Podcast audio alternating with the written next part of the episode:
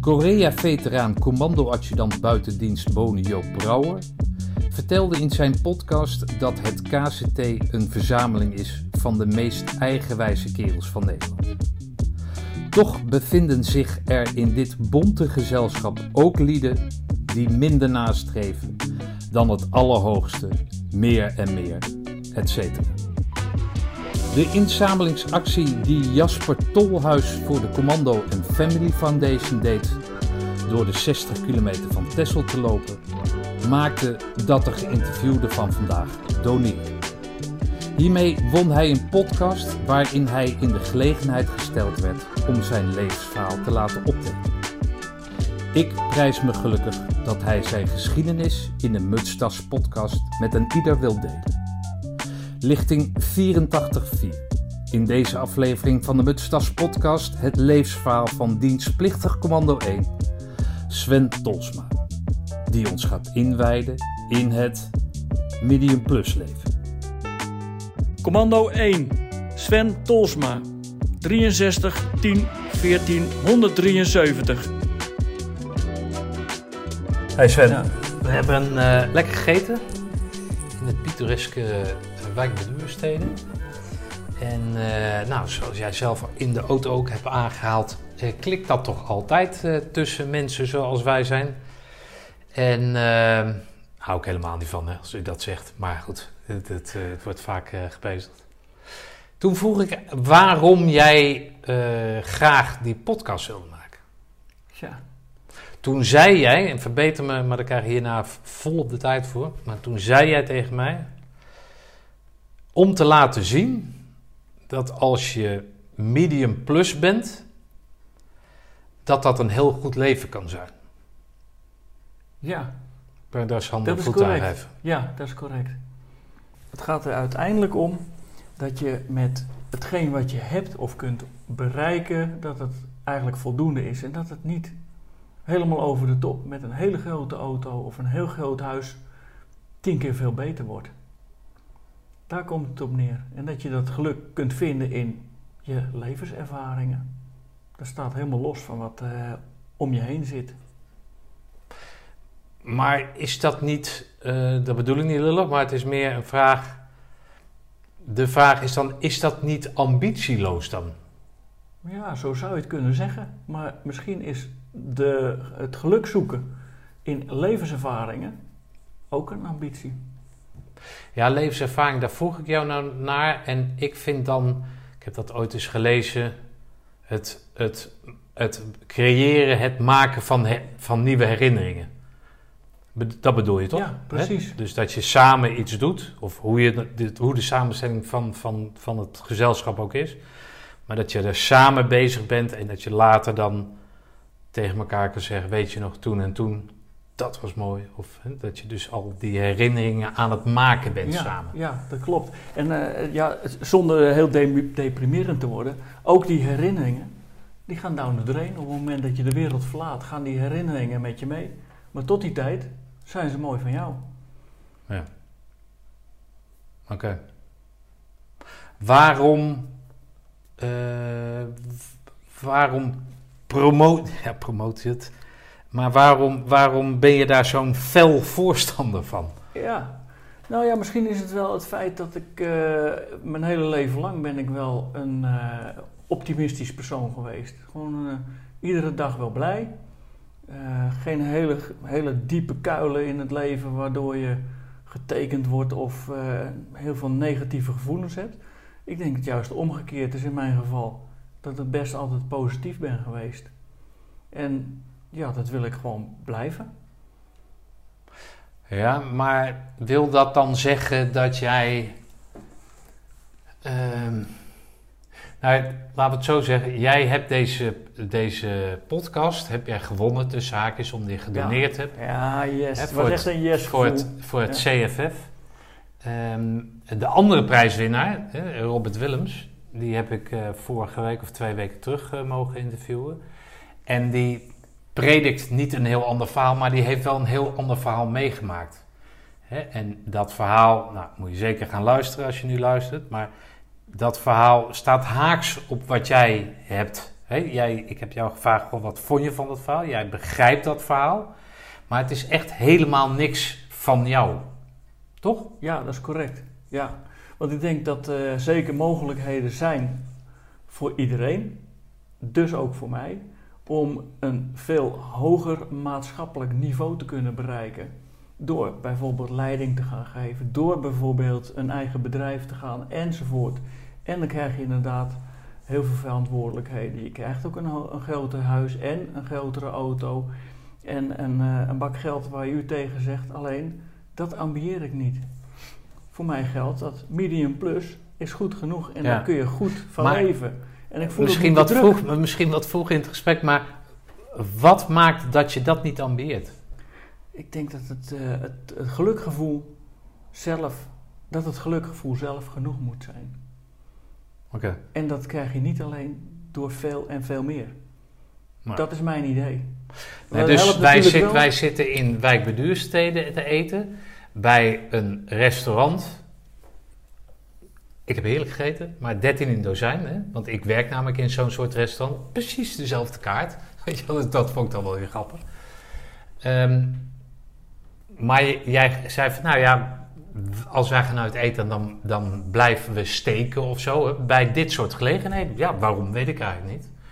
Maar jij bent dan bijvoorbeeld niet iemand die zegt van ik ga niet vier of vijf keer daar niet eten en dan ga ik één keer in een sterrenrestaurant eten. Nou, wij wisselen best horecagelegenheden af omdat we heel veel onderweg zijn. Ieder weekend gaan we bijvoorbeeld ergens of er, eh, fietsen bijvoorbeeld. Hè, met, met de e-bike, die schroeven we achter op de auto. Gaan we ergens een rondje fietsen, doen we ergens een hapje eten of even lunch of zo. Eh, maar dat hoeft geen sterrenrestaurant te zijn. Hm. Je gaat me ook niet heel gauw eh, in vrije tijd. Ga je mij niet gauw zien in een eh, driedelig pak met een stropdas.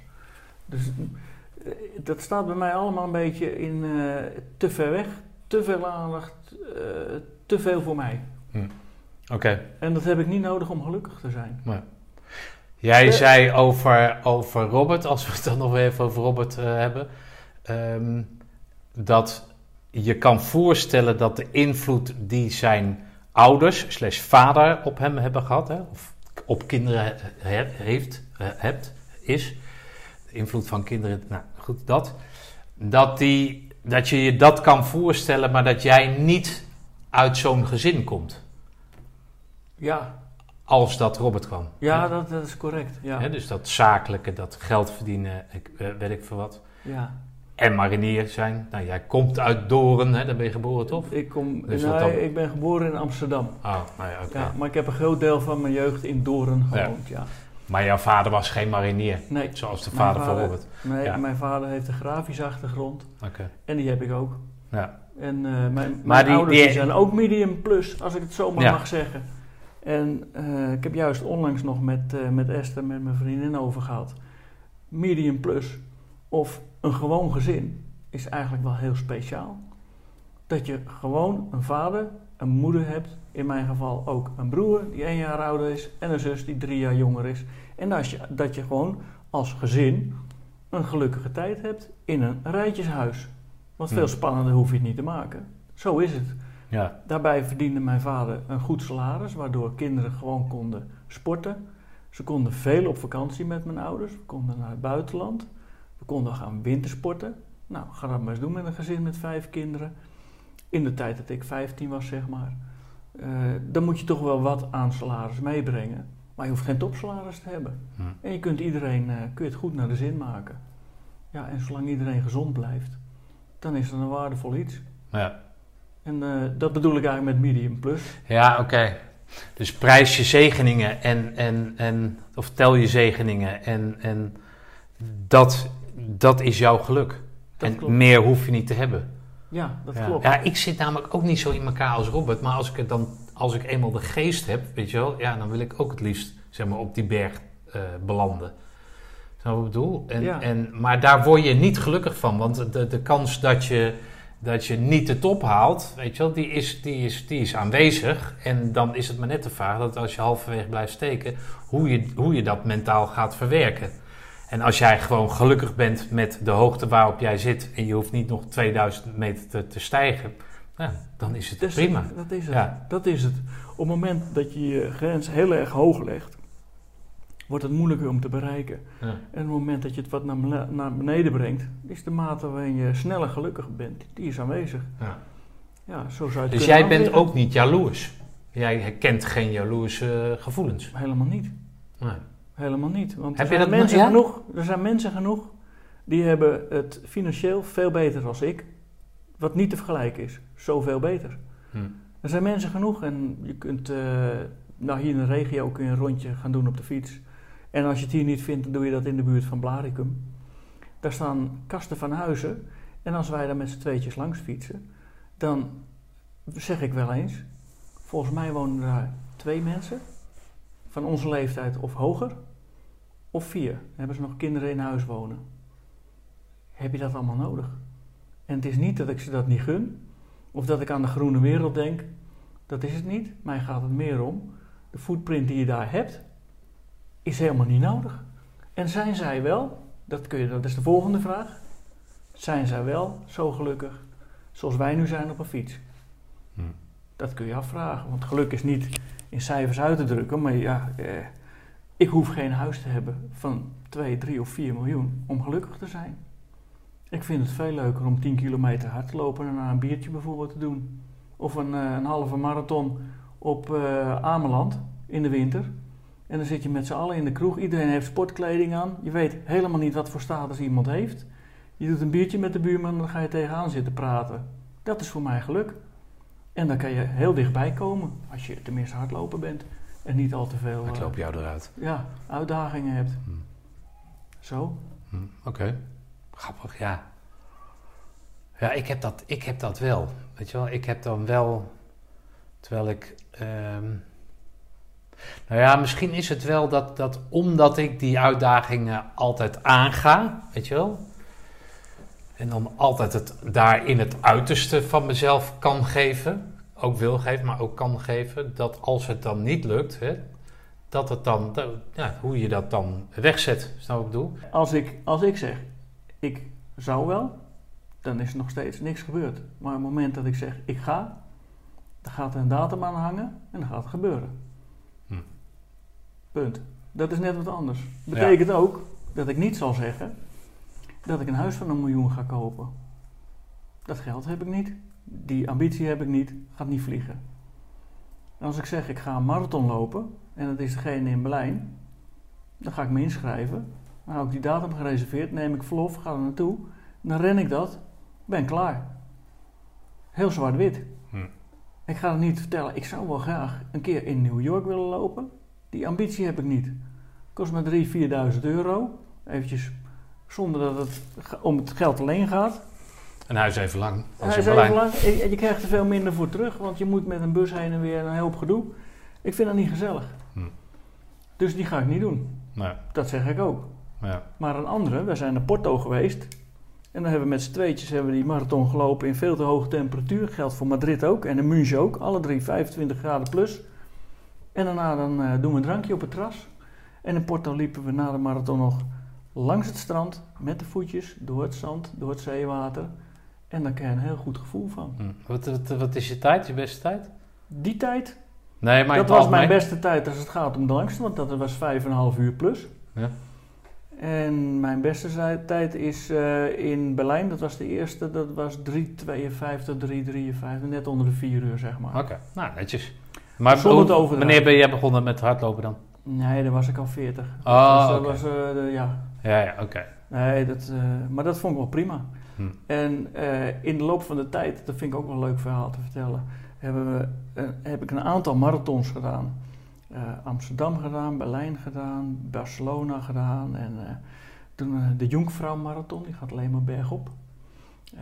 Toen zat het, in het eerste jaar had ik dat gedaan, was dat eh 5 uur 45. Hm. Dat gaat alleen maar vanaf Interlaken de berg op. En eh, een paar jaar later vroeg eh, mijn vrienden van het hardlopen van... Nou Sven, gaan we nog een keer... eh, we gaan naar de Jonkvrouw en prima. Ik ga mee. Toen zat het mij, laten we zeggen, niet zo mee in het leven vanwege privéomstandigheden. En heb ik eigenlijk gezegd, ik ga wel mee, maar ik ga niet trainen. Ik ga gewoon mijn eigen ding en ik doe het wel met mijn hoofd. En toen heb ik er niet 5 uur 45, maar 6 uur 15 over gedaan. Zonder noemenswaardige training. Ik was wel fit en iedere zondag wel even rennen. En dat heeft me ook een beetje op een eh, idee gebracht. Je hoeft helemaal niet te trainen. Is gewoon zorg dat je fit bent. Ja.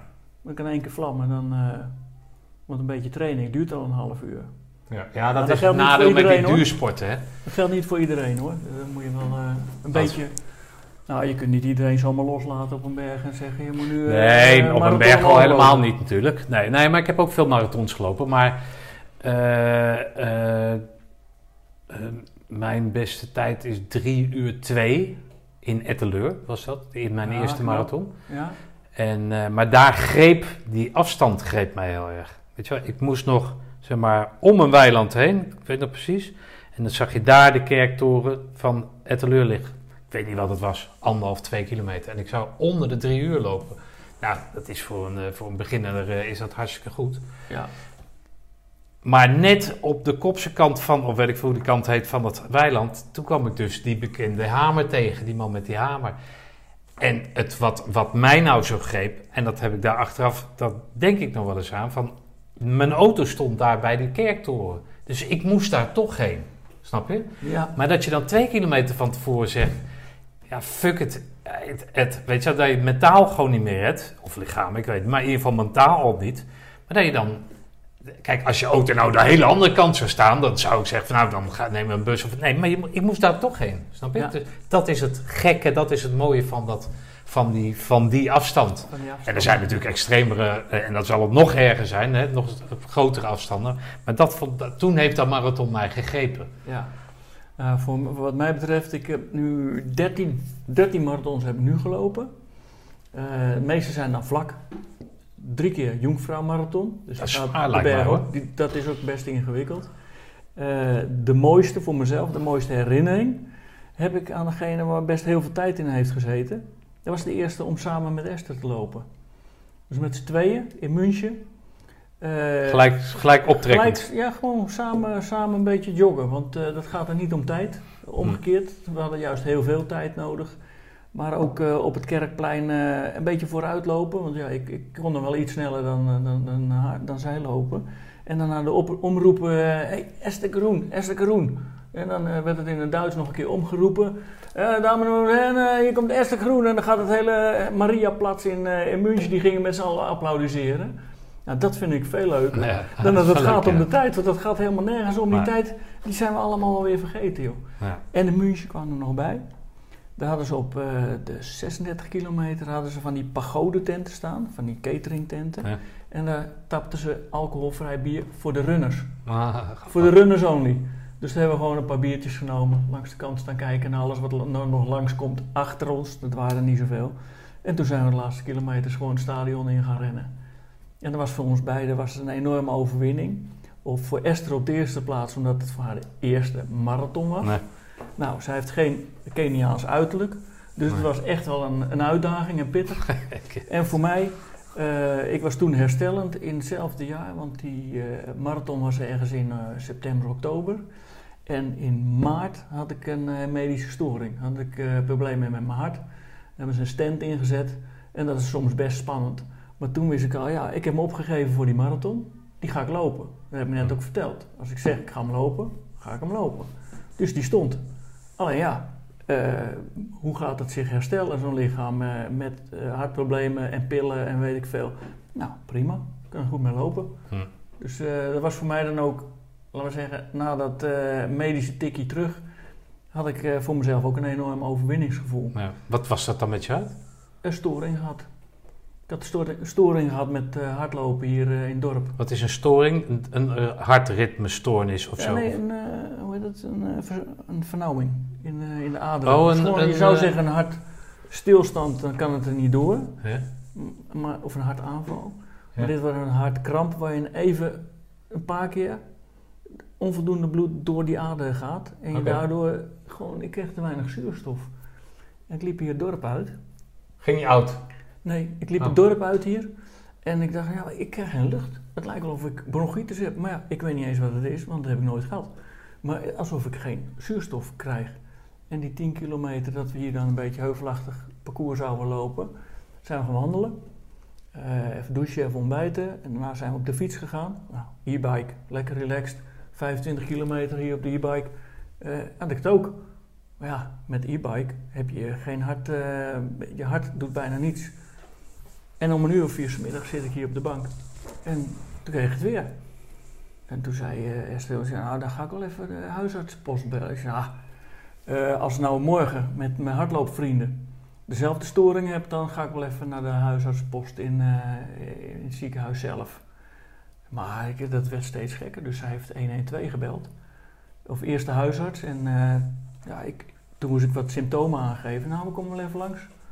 Dus die kwamen hier met de ambulance. Binnen drie minuten had ik allemaal elektrodes op mijn bast. En eh, werd mooi afgevoerd naar het UMC. En dan werd vastgesteld dat ik inderdaad eh, een hartvernauwing, eh, een vernauwing bij mijn hart heb.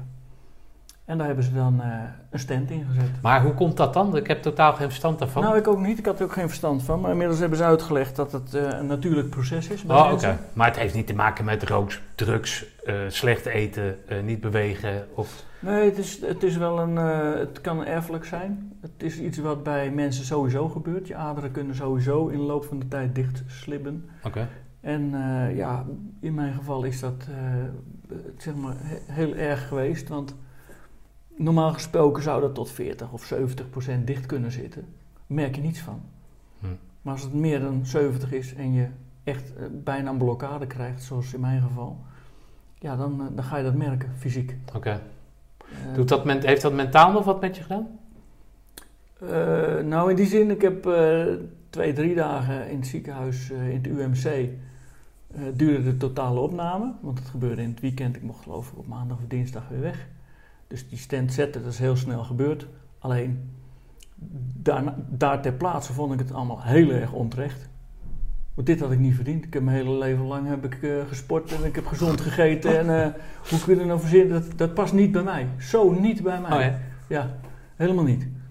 En eh, dus ook Nou, wat, wat, de, de, kwets, geweest. de of- kwetsuur zelf past niet bij jou. ja, sowieso. Omdat jij niet zo leeft ja, om dat op te lopen. ja, dat is onterecht. Ja, ja. Volledig onterecht.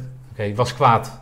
Nou, een soort wel. Heel erg teleurgesteld in dat dit zo gebeurt. Oké. Maar op wie was je kwaad dan? nee, niemand. Gewoon Oh, op gewoon. het feit dat, dat dit gebeurt bij mij. Ja, oké, maar niet geloven of zo. Nee, nee, of, helemaal of niet. weet ik. Nee, Nee, hoor, het, het hoort gewoon niet. Dus ik vond het een soort van eh, natuurlijke onrechtvaardigheid, laten we het maar zo zeggen. Hm. En eh, daarna, de week daarna, eigenlijk de dag daarna, ben ik meteen 10 kilometer gaan wandelen. Ik had al aan de arts gevraagd, wat mag ik? Mag ik weer rennen? Nee, dat moet, die stand moet eerst op zijn plek komen. En eh, oké, wanneer mag ik wel rennen? Ja, over een week of vier. Oké. Mag ik fietsen? Nou, nee, want er zijn via je pols erin gegaan, druk op je pols. Dat eh, moet er ook Ah, even oké, heen. ja, ja. Ja, wat mag Ja. ik? Mag ik dan wandelen? Ja, ik mag wandelen. Goed, dan ga ik wandelen. En toen ben ik gaan wandelen, ben ik hier 10 kilometer het bos ingegaan. Telefoon meegenomen. Zie je het wel? En als het niet goed gaat, dan moet ik terug. Dan is, eh, dan is het niet goed gedaan. Hm. Maar dat ging hartstikke goed. En de dag daarna 12 kilometer. En de dag daarna ook weer zoiets. En daarna mocht ik fietsen. Ben ik naar het kappertje gegaan op de fiets, 20 kilometer en weer terug. En de weken daarna, totdat die vier weken vol waren. Nou, ik heb het op een Excel-file bijgehouden, nu weet ik het niet meer. Dat zou ik nog moeten terugzoeken. Eh, ik heb echt eh, honderden kilometers gefietst en gewandeld achter elkaar, totdat ik weer mocht rennen. Hm. En dat ben ik ook meteen gaan doen. Oké. Maar dat hebben ze is- kun- kunnen constateren, alvorens je dat, dat die heftige belastingen gingen doen, dat dat verantwoord was dus. Nou, nee, want eh, ik ben eigenlijk niet meer bij het ziekenhuis. Ja, ik ben een Ah. paar keer nog op controle geweest tussentijds. Ik weet niet hoe vaak. Maar af en toe eens moest ik terug, zeg maar na een maand of twee maanden. Of, eh, eh, en ik had van tevoren al gezegd, ja, ik wil, ik wil in oktober wil ik gaan rennen in München. Hm. Ja, dat zien wij niet zo zitten. Ja, dat kan, maar ik zie dat wel zitten. En voor mijn gevoel ben ik ook meteen elf jaar teruggezet in de tijd, qua conditie. Dus ik kom meteen weer van alles. En eh, ja, daarna ben ik alleen maar meer gaan, eh, gaan rennen. En, eh, en dat was voor mij dan ook het ultieme overwinninggevoel. Door gewoon lekker te finishen Ja. en een goed gevoel te hebben.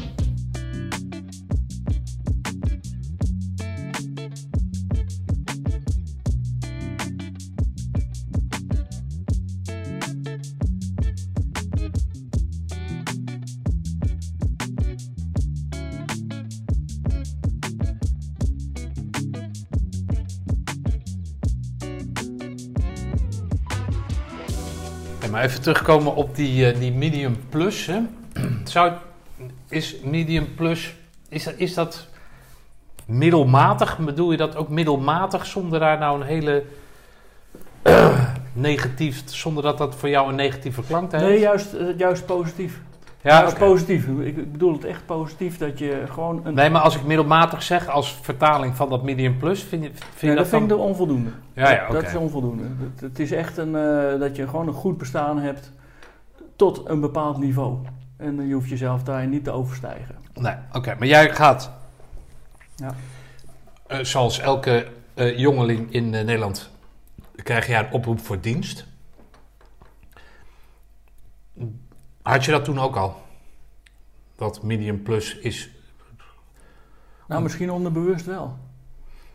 Ik, ik heb me nooit, me nooit zo heel erg veel meer dan andere mensen gevoeld.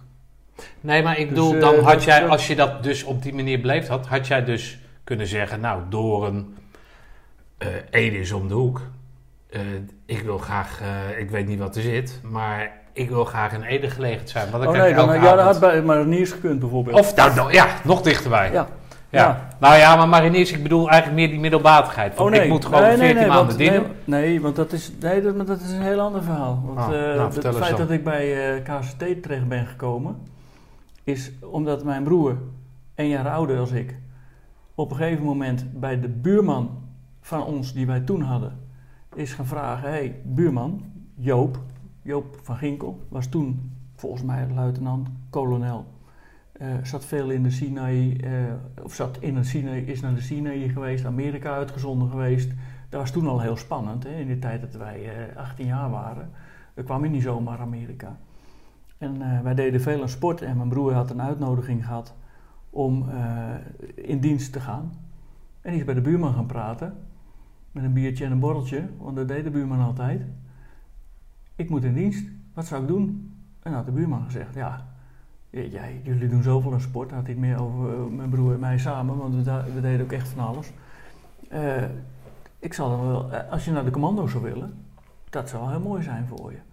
Dus mijn broer is uiteindelijk met een request van de buurman bij het KCT terechtgekomen. Ik dacht dat je broer jonger was. Mijn broer is één jaar ouder dan ik. Oh, één jaar ouder. Oké, dus hij moest eerder in dienst. Hij moest ja. eerder in dienst dan Oké, ik. ja, ja. En eh, daar heeft hij, eh, de buurman toen voor gezorgd. En het jaar erop kwam ik van school en kreeg ik ook een uitnodiging om ja, eh, militaire dienst te gaan vervullen.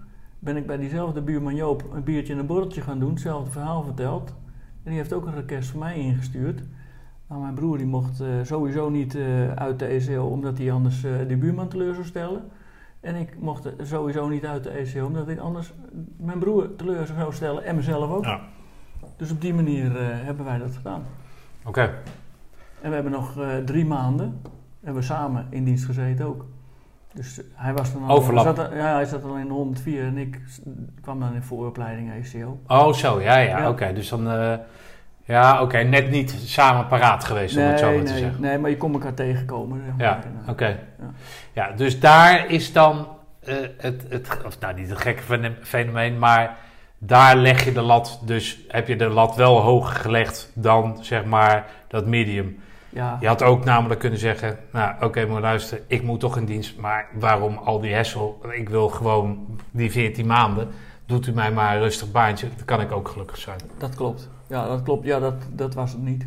Nee, dat is anders gelopen. Ja. En, dan, en dan krijg je wel de sportieve uitdaging om, eh, om ook helemaal mee te gaan. Ja.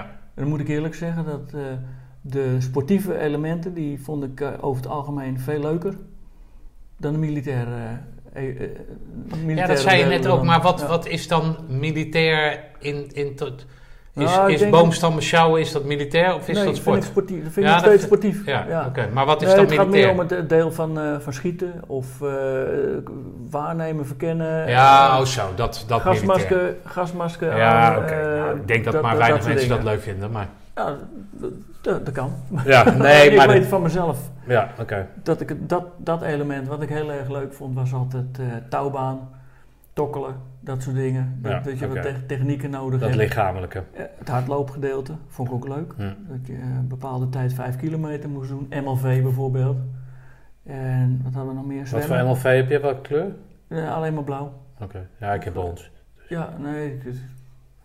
En eh, wat hadden we nog meer?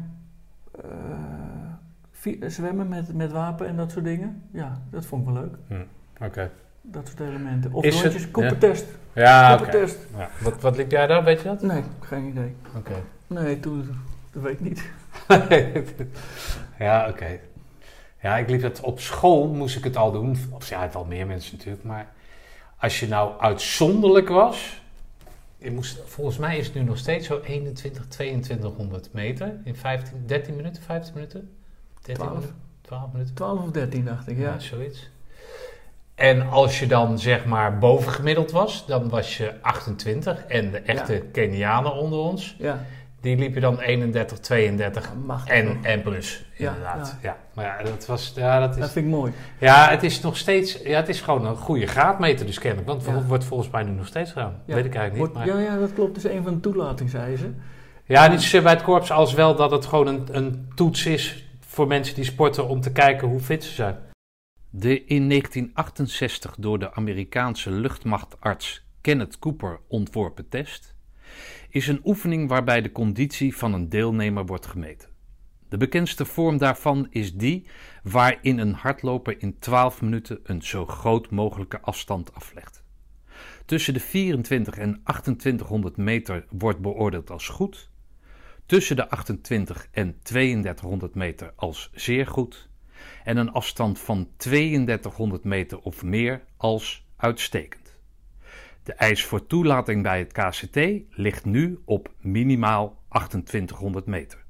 Ja, het is niet mijn handel, maar volgens mij is het nog steeds een goede test. Ja. Een graadmeter. En Ja. er is laatst een eh, oproep gedaan, en misschien is het alweer één of twee jaar geleden zelfs, dat iemand van het KCT een eh, post had gedaan op Facebook waarin hij andere mensen ging oproepen om die Cooper-test te doen. Hij had volgens mij op 10 meter na, had hij ondanks zijn leeftijd van, laten we zeggen, jaar of 50 plus, had hij dat weten te evenaren. En dat vind ik ook Oké, knap. ja, zeker knap. Dus ja. ik heb mezelf toen ook uitgedaagd gevoeld om dat te doen.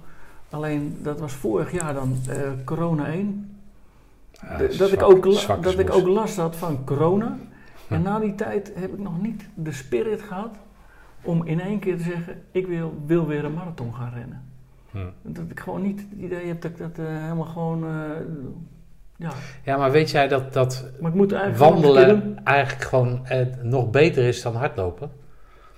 Dat heb ik ooit eens gelezen en dat zeg ik ook tegen mezelf. Want ik wandel al heel veel. En dat hardlopen, dat doe ik mezelf gewoon niet meer aan. Want dat doet gewoon veel veel pijn op mijn botten en dat soort zaken. Maar dat dat eigenlijk helemaal niet zo, zo goed is voor je gezondheid ook, dat hardlopen. Maar goed, dat Ja. terzijde. Nou ja, je kunt het ook combineren. Je Nee, uiteraard. Je kunt een Nee, stukje uiteraard. hardlopen, een stukje rennen. Of, Ja. ja. ja. En je hoeft ook niet ver, hè? Je hoeft niet meteen 42 kilometer. Nee, nee, dat is ook Je zo. kunt ook eerder stoppen. hey, luister Kan jij eens een, de aan- een, een aantal voordelen eh, opnoemen van een broer die een groene beret heeft? En dat dan gerelateerd aan de ACO? En kan je daarnaast dan de, hè, Ja, dus naast de voordelen dan ook de nadelen opnoemen? Ja, ik denk dat ik wel wat. eh, het voordeel is denk ik dat je wel wat voorkennis hebt. Je, je hoort natuurlijk waar je op moet letten. Je hoort wat je, wat je wel en niet moet doen. Dat je een beetje onder het radar moet blijven. Dat je eh, sowieso in de weekenden bij moet eten. Dat je spullen voor elkaar, dat soort dingen. Hele praktische informatie. Die je misschien als je geen familielid erin hebt. eh, want het hoeft niet per se een broer te zijn. Het kan ook een vader of een oom of dat soort dingen zijn. Eh, maar het nadeel kan zijn dat je de, de continu de druk zou kunnen hebben. Ja, dan moet ik. Ik kan niet opgeven. Dat kan. Maar dat is ook weer een voordeel. Ja, oké. Maar kan ik me ook niet.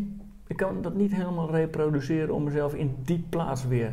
Nee, maar heb jij jezelf wel eens dingen horen zeggen tegen niet onwetenden, hè, die dus geen relatie hadden met een broer, oom, weet ik veel, wie die daar kennis van had. Heb jij jezelf wel eens dingen horen zeggen, "Doe, ik weet het ook niet, maar ik heb van mijn broer gehoord, die net twee lichtingen hiervoor zijn groene bret heeft gehad, dat je dat juist niet moet ja, doen. ongetwijfeld. Dat Ja? zou ik ongetwijfeld wel, ja, want ik ben toch een, eh, een teamspeler. En eh, dat zou ik ongetwijfeld eh, meegegeven hebben, want je zit toch. Weet je, je reist met mensen samen vanaf een bepaalde bestemming. Toch dat laatste stuk naar Roosendaal, dan heb je het over alles. Ja. En, en een stukje groepsbescherming is, is, moet je dan niet vreemd zijn. Nee. Maar als je dat allemaal voor jezelf houdt, dan klopt het ook niet. Nee, natuurlijk. Nee, maar aan de andere kant is het natuurlijk ook zo dat je natuurlijk, zoals in elke groep, ook een stel, of af en toe wel eens mensen hebt die zo eigenwijs zijn, dat je na verloop van tijd denkt van nou, weet je wel, krijg lekker de kampen dan maar. Als Ja. je niet wil luisteren, dan houd het op. Dat Toch? kan ook. Dat kan ook. Ja. Ja. Wat zijn de nadelen van, van, van een broer in de SEO daarvoor gehad hebbende? Ja, dat zou ik niet zomaar onder woorden kunnen brengen. Hooguit wat ik net zei, dat het... Nee, maar dat ze bijvoorbeeld jouw naam kenden. hey, ja, is dat, niet, ja, eh, ja, dat- ben jij die niet de ben broer van? tegengekomen. Ja, daar ben ik tegengekomen. Ja. Het, eh, Ben jij ja, net zo'n oh, lul als ja, ben je- broer? Of, Ja, ben je inderdaad zo'n drukker als je broer? ja, ja, oké. Dat soort dingen. Ja, Gewoon daar stonden er wel bekend om, om, om te proberen. ja, dat klopt. Dat is familiekwaal is dat. dat is een familiekwaal. Ja, Ja, ja. oké. Ja, Nee, medium plus nee, wij nee. altijd. ja precies. Ja. Nee, maar het- is, eh, het, het is inderdaad... eh, het- dat hoort bij het spel. Ja. Dat ze dat zeggen. En dan kijken hoe je erop reageert. Ja. Maar dat, Nou, dat, moet dat ik kan ook, net goed kan me wel voorstellen dat het ook best wel angstaanjagend zou kunnen werken. Dat als je al in een bepaalde neergaande flow qua men- mentaal zit. Je hebt dan die verhalen van je broer gehoord. Pas op de derde dag van de vierde week. En die derde dag komt eraan en je denkt, oh, en je voelt jou kloten. Met die voorkennis lijkt me ook niet altijd even handig. Ja, Of dat even klopt. Maar dat is wel een heel, heel negatief eh, scenario. En eh, zo, zo heb ik het ook niet, zo heb ik het niet ervaren. Ik heb Ah, wel ervaren dat, je flink wat, eh, dat er flink wat druk gezet wordt. Ja. Maar omdat ik de, de verhalen van mijn broer gehoord heb, eh, wist ik ook dat het eh, theater, eh, een groot deel theater was. Ja, maar als je zwaar zit, ik hoor dat altijd, en dat weet ik ook wel, maar als je, als ik naar mezelf kijk, als je het, hoe zwaar je het krijgt, des te meer vergeet je dat het een toneelspel is.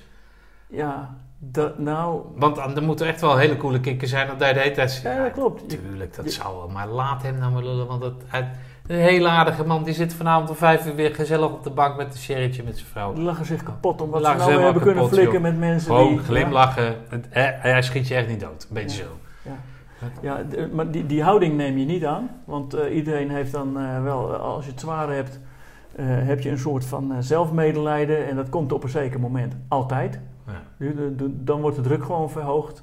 Maar eh, ik heb ook altijd de humor ervan ingezien, serieus. Van hoe knap het is om als instructeur zo te, tekeer te kunnen gaan tegen cursisten. Ja. Dat heb ik heel knap gevonden altijd. Serieus, daar heb ik echt bewondering voor. Ja. Mensen van heel dichtbij, bijna neus tegen neus, vertellen hoe slecht ze wel niet zijn. En wat ze allemaal niet kunnen. Ja. Dat heb ik heel knap gevonden. Ja. Maar dat, is natuurlijk, dat hoort bij dat toneel. En als Nee, het, bij, jou gebeurt, als het bij jou gebeurt, als je helemaal er doorheen zit, honger, dorst en, en hartstikke vermoeid, dan vind je dat niet zo lollig. Ja.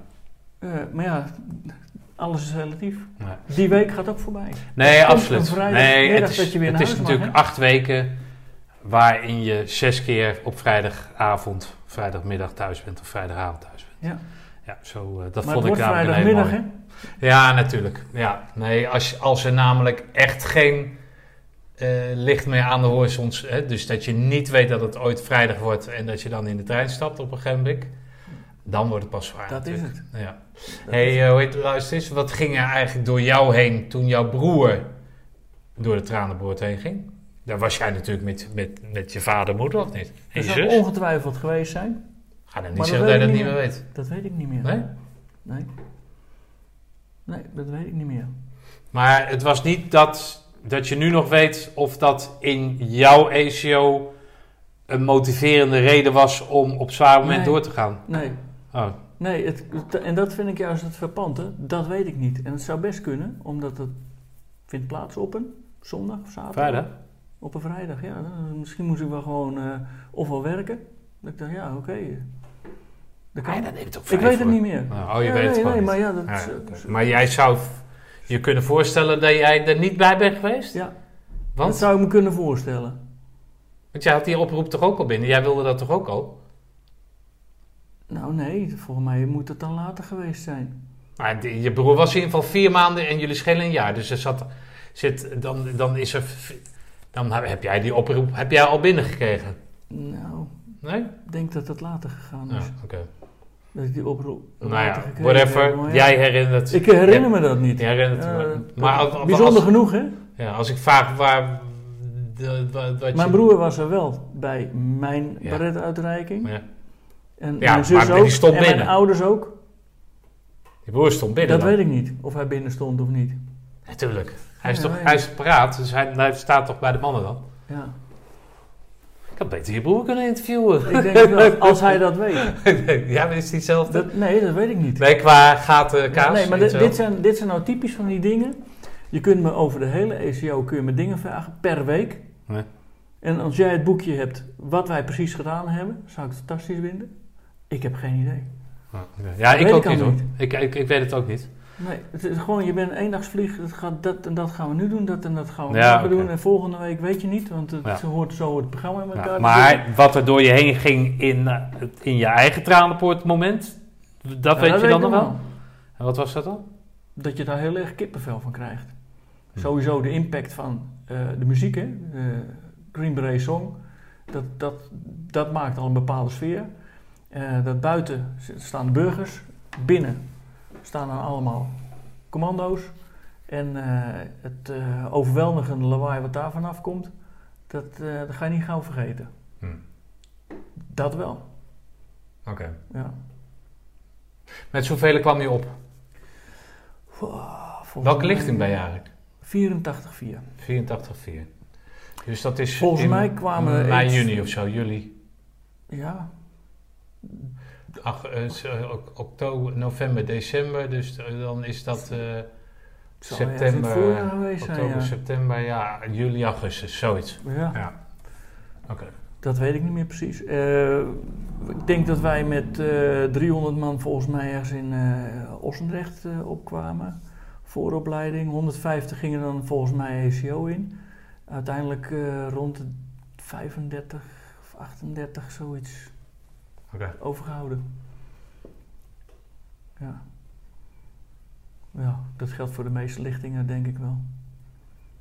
Ja, dat denk ik ook. Die, die getallen Ja. zo. Ja, oké. Ja. Algehele houding dan? Of algehele gedachten over dit hele ding? Of weet je daar ook niks meer van? Eh, je bedoelt de groepsamenstelling? nou, of, gewoon eh, ook ja, algehele gevoel over die, over die tijd. Weet je, weet je, heb je dingen geleerd? Heb je, heb je, heb je, heb je, ben je vaak tegen jezelf aangelopen? Heb je jezelf leren kennen? Een beetje, Ah, beetje, beetje in, in die hoek.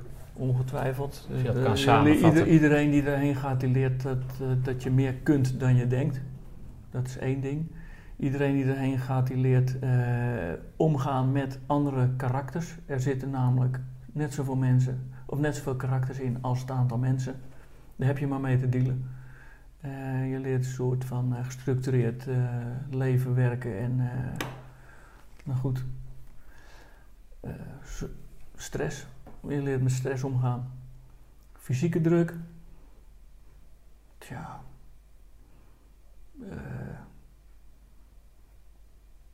Er zullen ongetwijfeld dingen zijn waar, waar ik nu even niet op kan komen. Maar het, is een- het is echt een heel breed pakket Ja. aan dingen. Maar als jij Rust- zegt rustig over die- blijven in moeilijke situatie. Ja. Ook een ding. Maar als jij zegt bijvoorbeeld over dat je bewondering hebt of dat je het knap vindt hoe die instructeurs dan zo uit hun plaat kunnen gaan hè? om jou te vertellen dat je een nietsnut bent of dat je weet ik veel wat. Wie waren die instructeurs voor jou dan die dat... Wie waren je instructeurs? Oh. dat is een goeie. De man heeft honderdduizend aantekeningen gemaakt en het meest essentiële. Nou, Dat dat weet hij mij dan niet het niet. meest essentiële hoor. Wie dat, Nee, maar wie z- dat zullen waren. dat geweest zijn... Anders had ik het ehm, geweten. Eh, Bakker, die herinner ik me nog. Militair ehm, is ehm, Ja, die ken ik weer niet. eh, commando eh, marinier. Oh, oké. Bakker. ja. Dat was een van. Hendricks herinner ik me nog. Eh, ja. Nou, hier schiet ik weer tekort.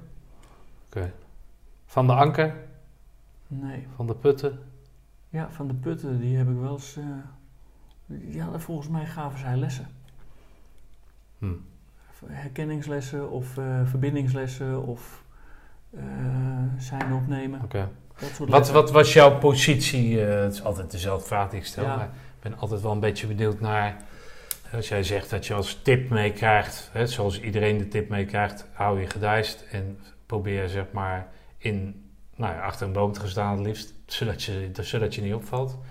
Wat was jouw positie binnen dat... Binnen dat eh, en ik blijf getriggerd door dat, door dat medium plus. En zeker in zo'n ECO-omgeving dan. Hè? Of je dat nou wel, of niet beleeft op dat moment. Jij, jij hebt het dus in je. Want anders zou je dat nu niet... Dat heb jij niet op je veertigste meegekregen. Ik heb het niet verzonnen, nee. Nee, je hebt het niet verzonnen. dat dat, dat, zit gewoon in je, Ja. snap je? Dus dan ben ik zo benieuwd hoe dat dan gaat in zo'n omgeving waar kerels, ondanks dat jij weet dat ze toneel spelen, helemaal uit de stekker gaan. En dan kan ik me niet, hè, snap je? Het, het- het contrast daarin. Hè? Daar ben ik zo benieuwd naar, hoe jij dat dan beleefd hebt. Midden in het donker, een week niet gedoucht. Helemaal, helemaal uit zijn plaat. Je echt helemaal, jij moet oppassen. Want anders vrijdag en dan kom je nooit meer terug. Weet je wel? En, en hoe, je, hoe dan omgaat met dat medium plus ding. Weet je wel? Nee, dat, dat, dat is hetgeen wat ik daar enorm geleerd heb, is dat het een, een theater is. Dat zijn middelen om te proberen je onder druk te zetten, maar je moet weten dat die persoon die dat doet, die doet dat niet omdat het, omdat het mij betreft. Die doet het vanuit zijn functie en die doet het vanuit mijn functie op dat moment, maar die meent dat niet. Dat, Die meent dat niet. Die meent niet Nou ja, dat weet je toch niet? dat ik helemaal niets voorstel. Die meent niet dat ik dingen gewoon helemaal niet zou kunnen. En nooit Nee, zou maar kunnen. dat, dat, dat Zij zeg jij trigger- tegen zij jezelf. Triggeren, ja, zij triggeren jou op dat moment om dingen te doen die boven jouw normale manier van eh, opereren zouden gelden. En eh, ze kunnen jou eh, tot, een heel, tot een heel eind kunnen ze je pushen. En dan op een gegeven moment kun je niet meer verder. Hm. En dat is prima. Dan is, dan is het voor hun goed. En als Ja, je dat spel inziet, Dus jij blijft dat, op dat moment blijf je dat tegen jezelf zeggen. ja, Het is ja, mijn ja. spel. Ja. Het is mijn spel. Ja, en het is heel vervelend natuurlijk dat je nog een keer iets moet doen eh, wat fysieke druk zet of waar je doodmoe van wordt terwijl je dorst hebt en honger, weet je, al dat soort dingen.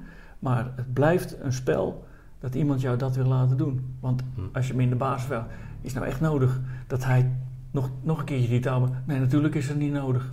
Nou ja, Want- weet, je, het- weet je toch niet? Nee, want de hele wereld draait morgen net zo hard verder. Of je dat nou gedaan hebt of niet. Het Maar heb, je dat wel, heb, je, maar heb je dat wel eens proberen uit te leggen tegen die lui? Nee, dat hoef ik niet te doen. Maar Sjan, moet je luisteren. Nee, dat, nee. Morgen is die touwbaan Ja. er ook. Waar maakt u zich nou zo druk ja, om? Ja, ja nou, die, die, die gelegenheid heb ik niet genomen om dat te doen. Oh, genomen. Ja. gekregen. Ja. ik heb wel gekregen, maar niet Ja, genomen. nee. Oké, maar Nee, ik heb- jouw ik positie gezien- binnen... Ik heb het continu gezien als een spel. Oké, nou ja, dat vind en ik dat, knap. en dat komt, dat komt ook eh, waarschijnlijk voor een groot deel door voorkennis. Maar ja, op Ze willen- ze willen gewoon- op een gegeven moment tuurlijk. krijgt iedereen dat te horen dat het een spel is. Ja, maar eh, dan, dan komt misschien een stukje realiteitszin erbij dat je dat blijft zien. Nou ja, daar ben ik nou op zoek. Hè, Ja. Dat je dat... als, je hè, dat, want- als je dat uit het oog verliest, dan ben je dusdanig vermoeid eh, en, en aangeslagen dat het gewoon eh, Ja. dat de zelfmedelijden overhand neemt. Ja. Dat kan. Ja, zelfmedelijden klinkt dan weer zo... eh, nee, dat is niet, niet zielig bedoeld, maar dat je meer over je eigen status denkt, laat me zo zeggen. Ja, jouw situatie op dat moment. ja. Heb jij, heb jij een dieptepunt? Heb jij wel in die ECO een, een punt gehad dat je dacht van... eh, nou, die broer... het Ja, zal maar wel. ongetwijfeld. Nee, ongetwijfeld zou ik dat gehad hebben. Maar weet je ook niet meer. Nee, dat weet ik niet. meer. Ik kan niet aanduiden, dat is op dat moment en met die personen naast me en had ik daar last Nee? van. Nee, want iedereen heeft wel ergens last van. Iedereen heeft wel... Nee, maar ik heb het echt over opgeven. Dat je echt dacht van... eh, Nee, zoals dat dan een tijd terug ging met die bel. Waar is die bel? nee hoor, er zal, eh, er zal ongetwijfeld zal de vraag gesteld zijn, eh Tolsma. Kopje koffie, je naar huis? Zoiets. Ik zeg niet dat het gebeurt, maar dat zal zo- zo'n soort van situatie, Ja. die, die, die kennen we allemaal, want het wordt gewoon gedaan. En eh, nee, nee, nee, waarom niet? Nou, en? Dat soort dingen. Hm. Maar eh, dat heb ik niet gehad. Oké. Ik stop ermee.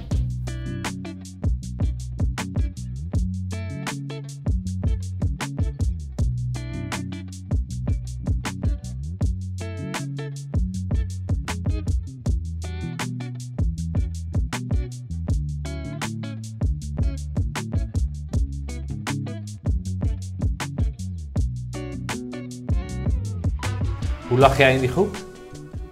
Medium plus, denk ik. ik denk niet dat ik een uitschieter ben.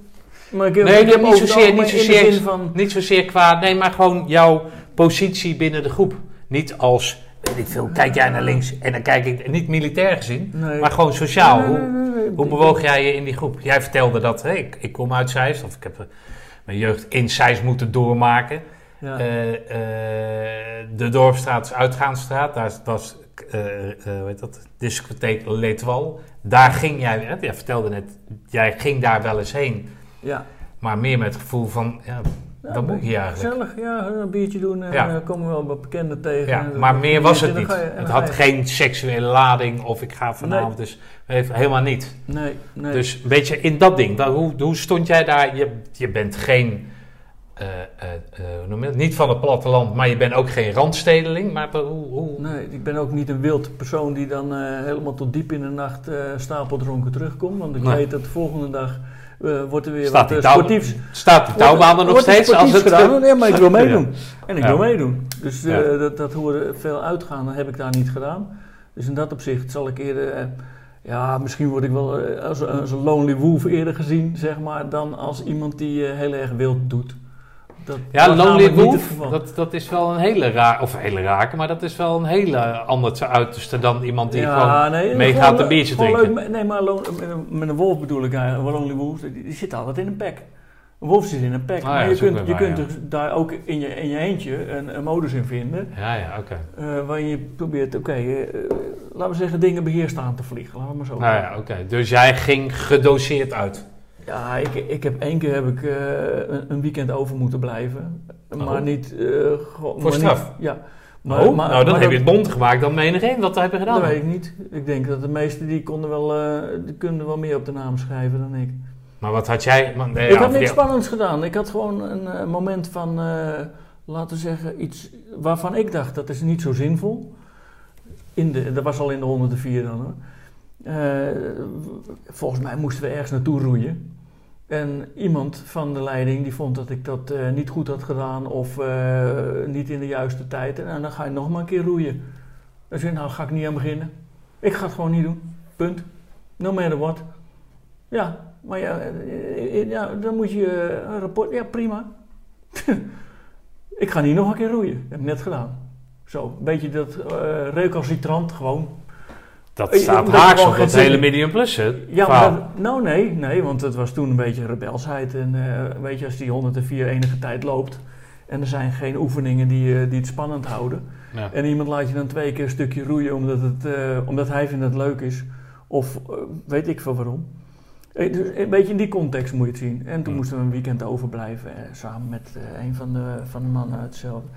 Die zat in dezelfde boot tenslotte. Gelukkig had hij nog een, eh, een kist, eh, in de kist onder bed een eh, fles whisky. En die hebben we in het weekend op de, heet het, op de, op de, op de klimtoren. Zijn we de klimtoren ingegaan in het weekend. En hebben we daar lekker gezeten. Nou, Whisky nou ja, drinken. weer leuk. Het was mooi weer. ja. Einde van het verhaal naar beneden, Oké. want we hadden een tokkeltje mee.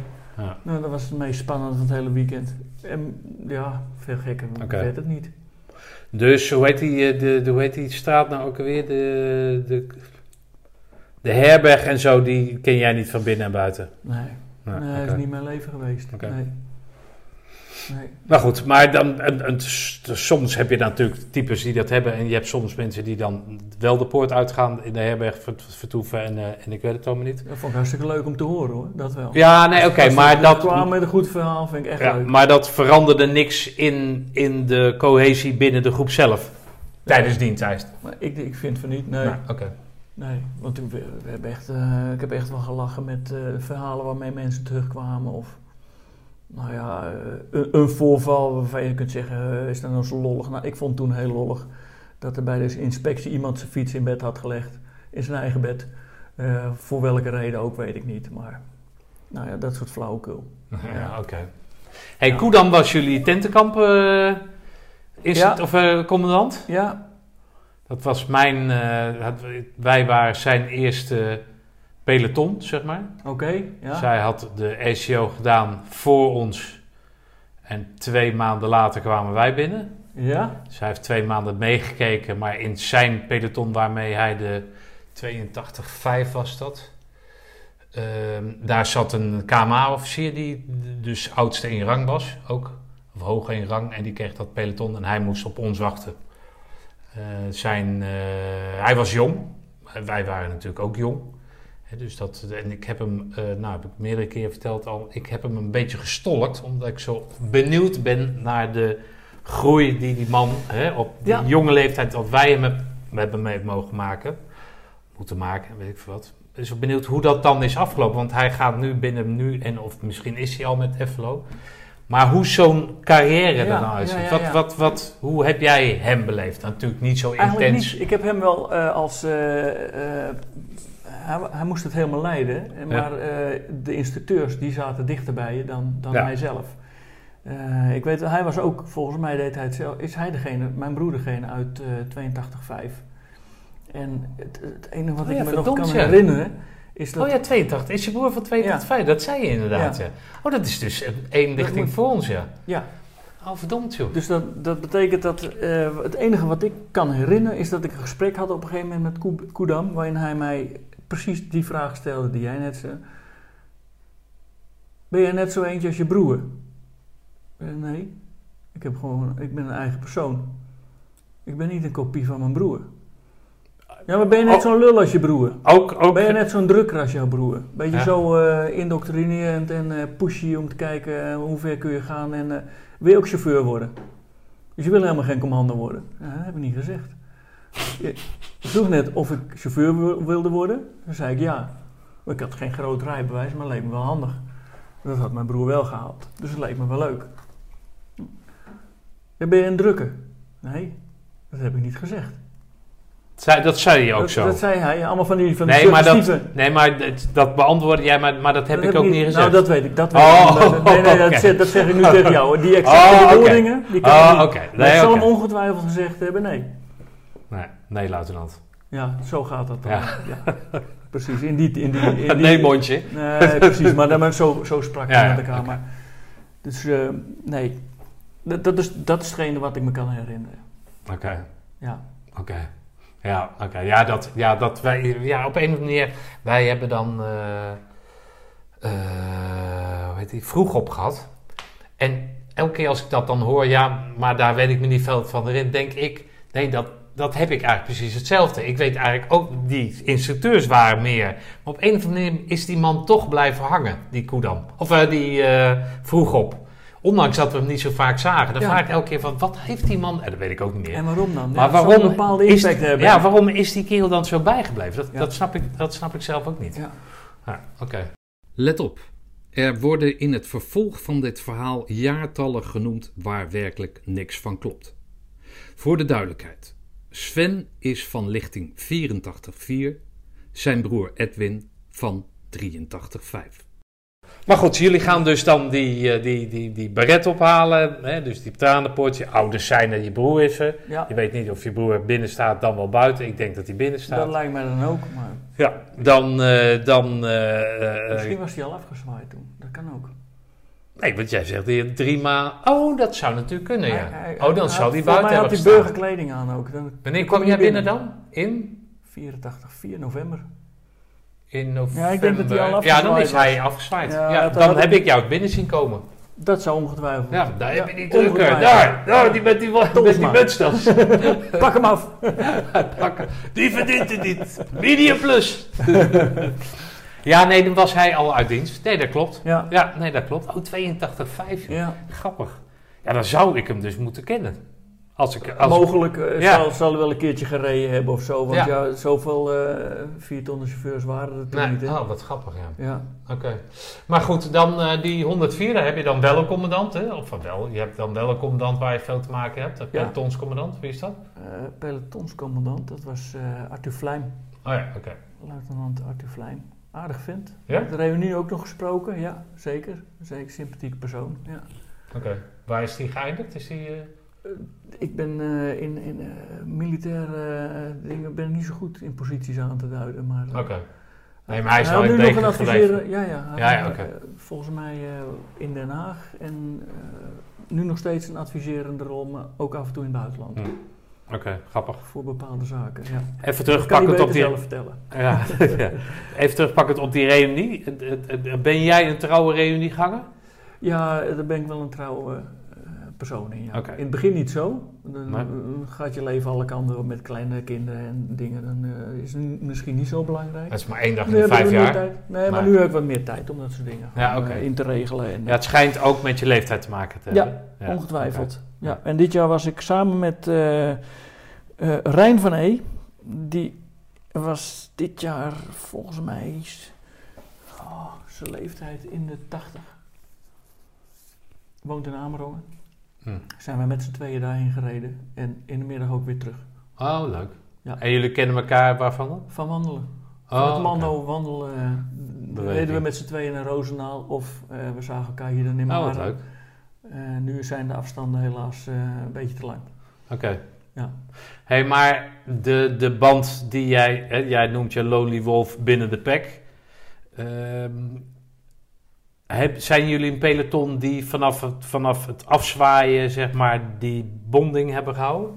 Middels eigen reunietjes, weet ik veel, borrels. eh, eh. Ja, in mindere mate. Ik denk dat het meer een, eh, een selecte groep is dan het geheel. Dus Oké. er, er bestaat nog wel een appgroep, daar zit ook niet echt iedereen in. Ehm, maar er zijn wel een aantal mensen die regelmatig contact houden. Oké. Zit jij daarbij? Daar zit ik niet, primair zit ik daar niet bij. Nee. Oh, waarom? We houden wel, nee, we, houden wel contact Ja. via WhatsApp. Een beetje wat heen en weer Ik vind het zo sturen. grappig hoe je dat zegt. Ja, Ja. primair zit ik daar niet. Ik ben geen, ik ben geen aanvoerder Nee. daarin. Nee. Nee, oké, maar... ik, ik speel er geen lang, belangrijke rol in. Ik ben er ook niet Nee. bij. Nee. Nee, maar vind je dat erg? Nee, vind ik helemaal niet erg. Ik vind het hartstikke leuk dat ze dat doen. Ja, maar er moet, er moet hè, even terugpakkend op die jaloersheid, er moet ook in jou toch iets zijn dat je denkt van, ja, nou wat is het nou, wat, hoe moeilijk is het nou om mij toe te voegen aan die groepsapp?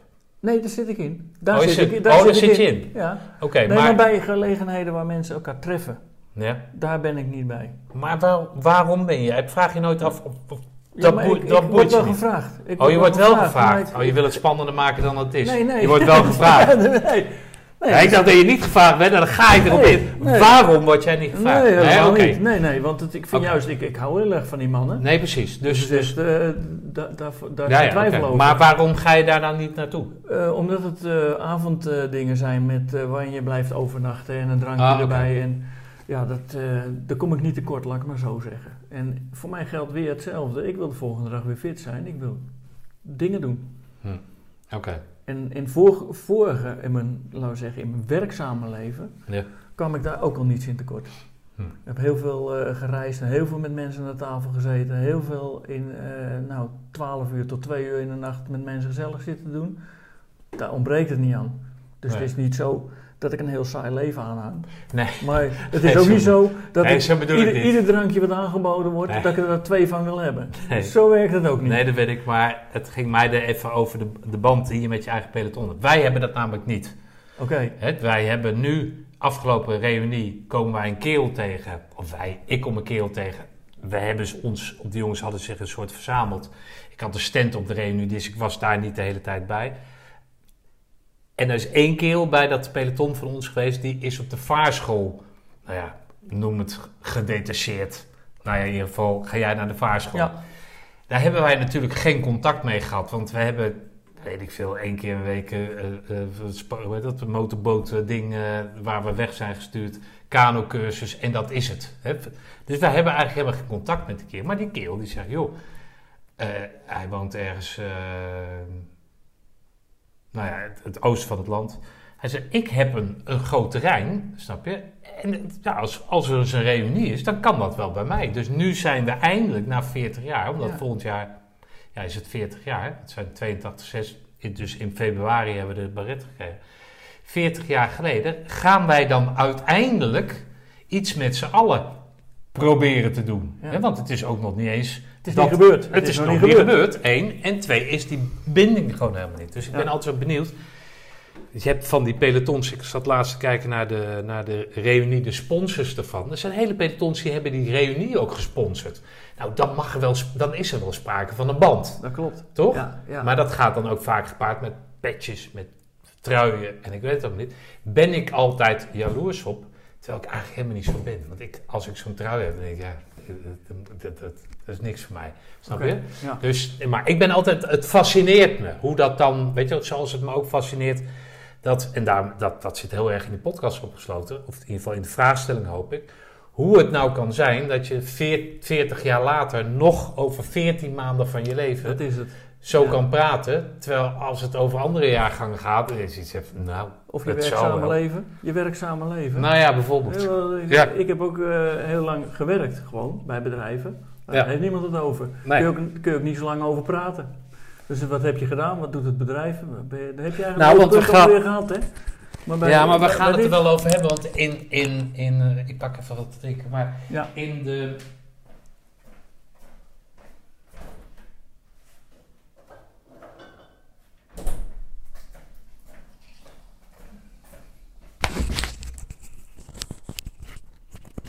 Toen wij net zaten te eten namelijk, hè, toen, toen, toen greep jij mij door dat, eh, dat Medium Plus eh, te lanceren.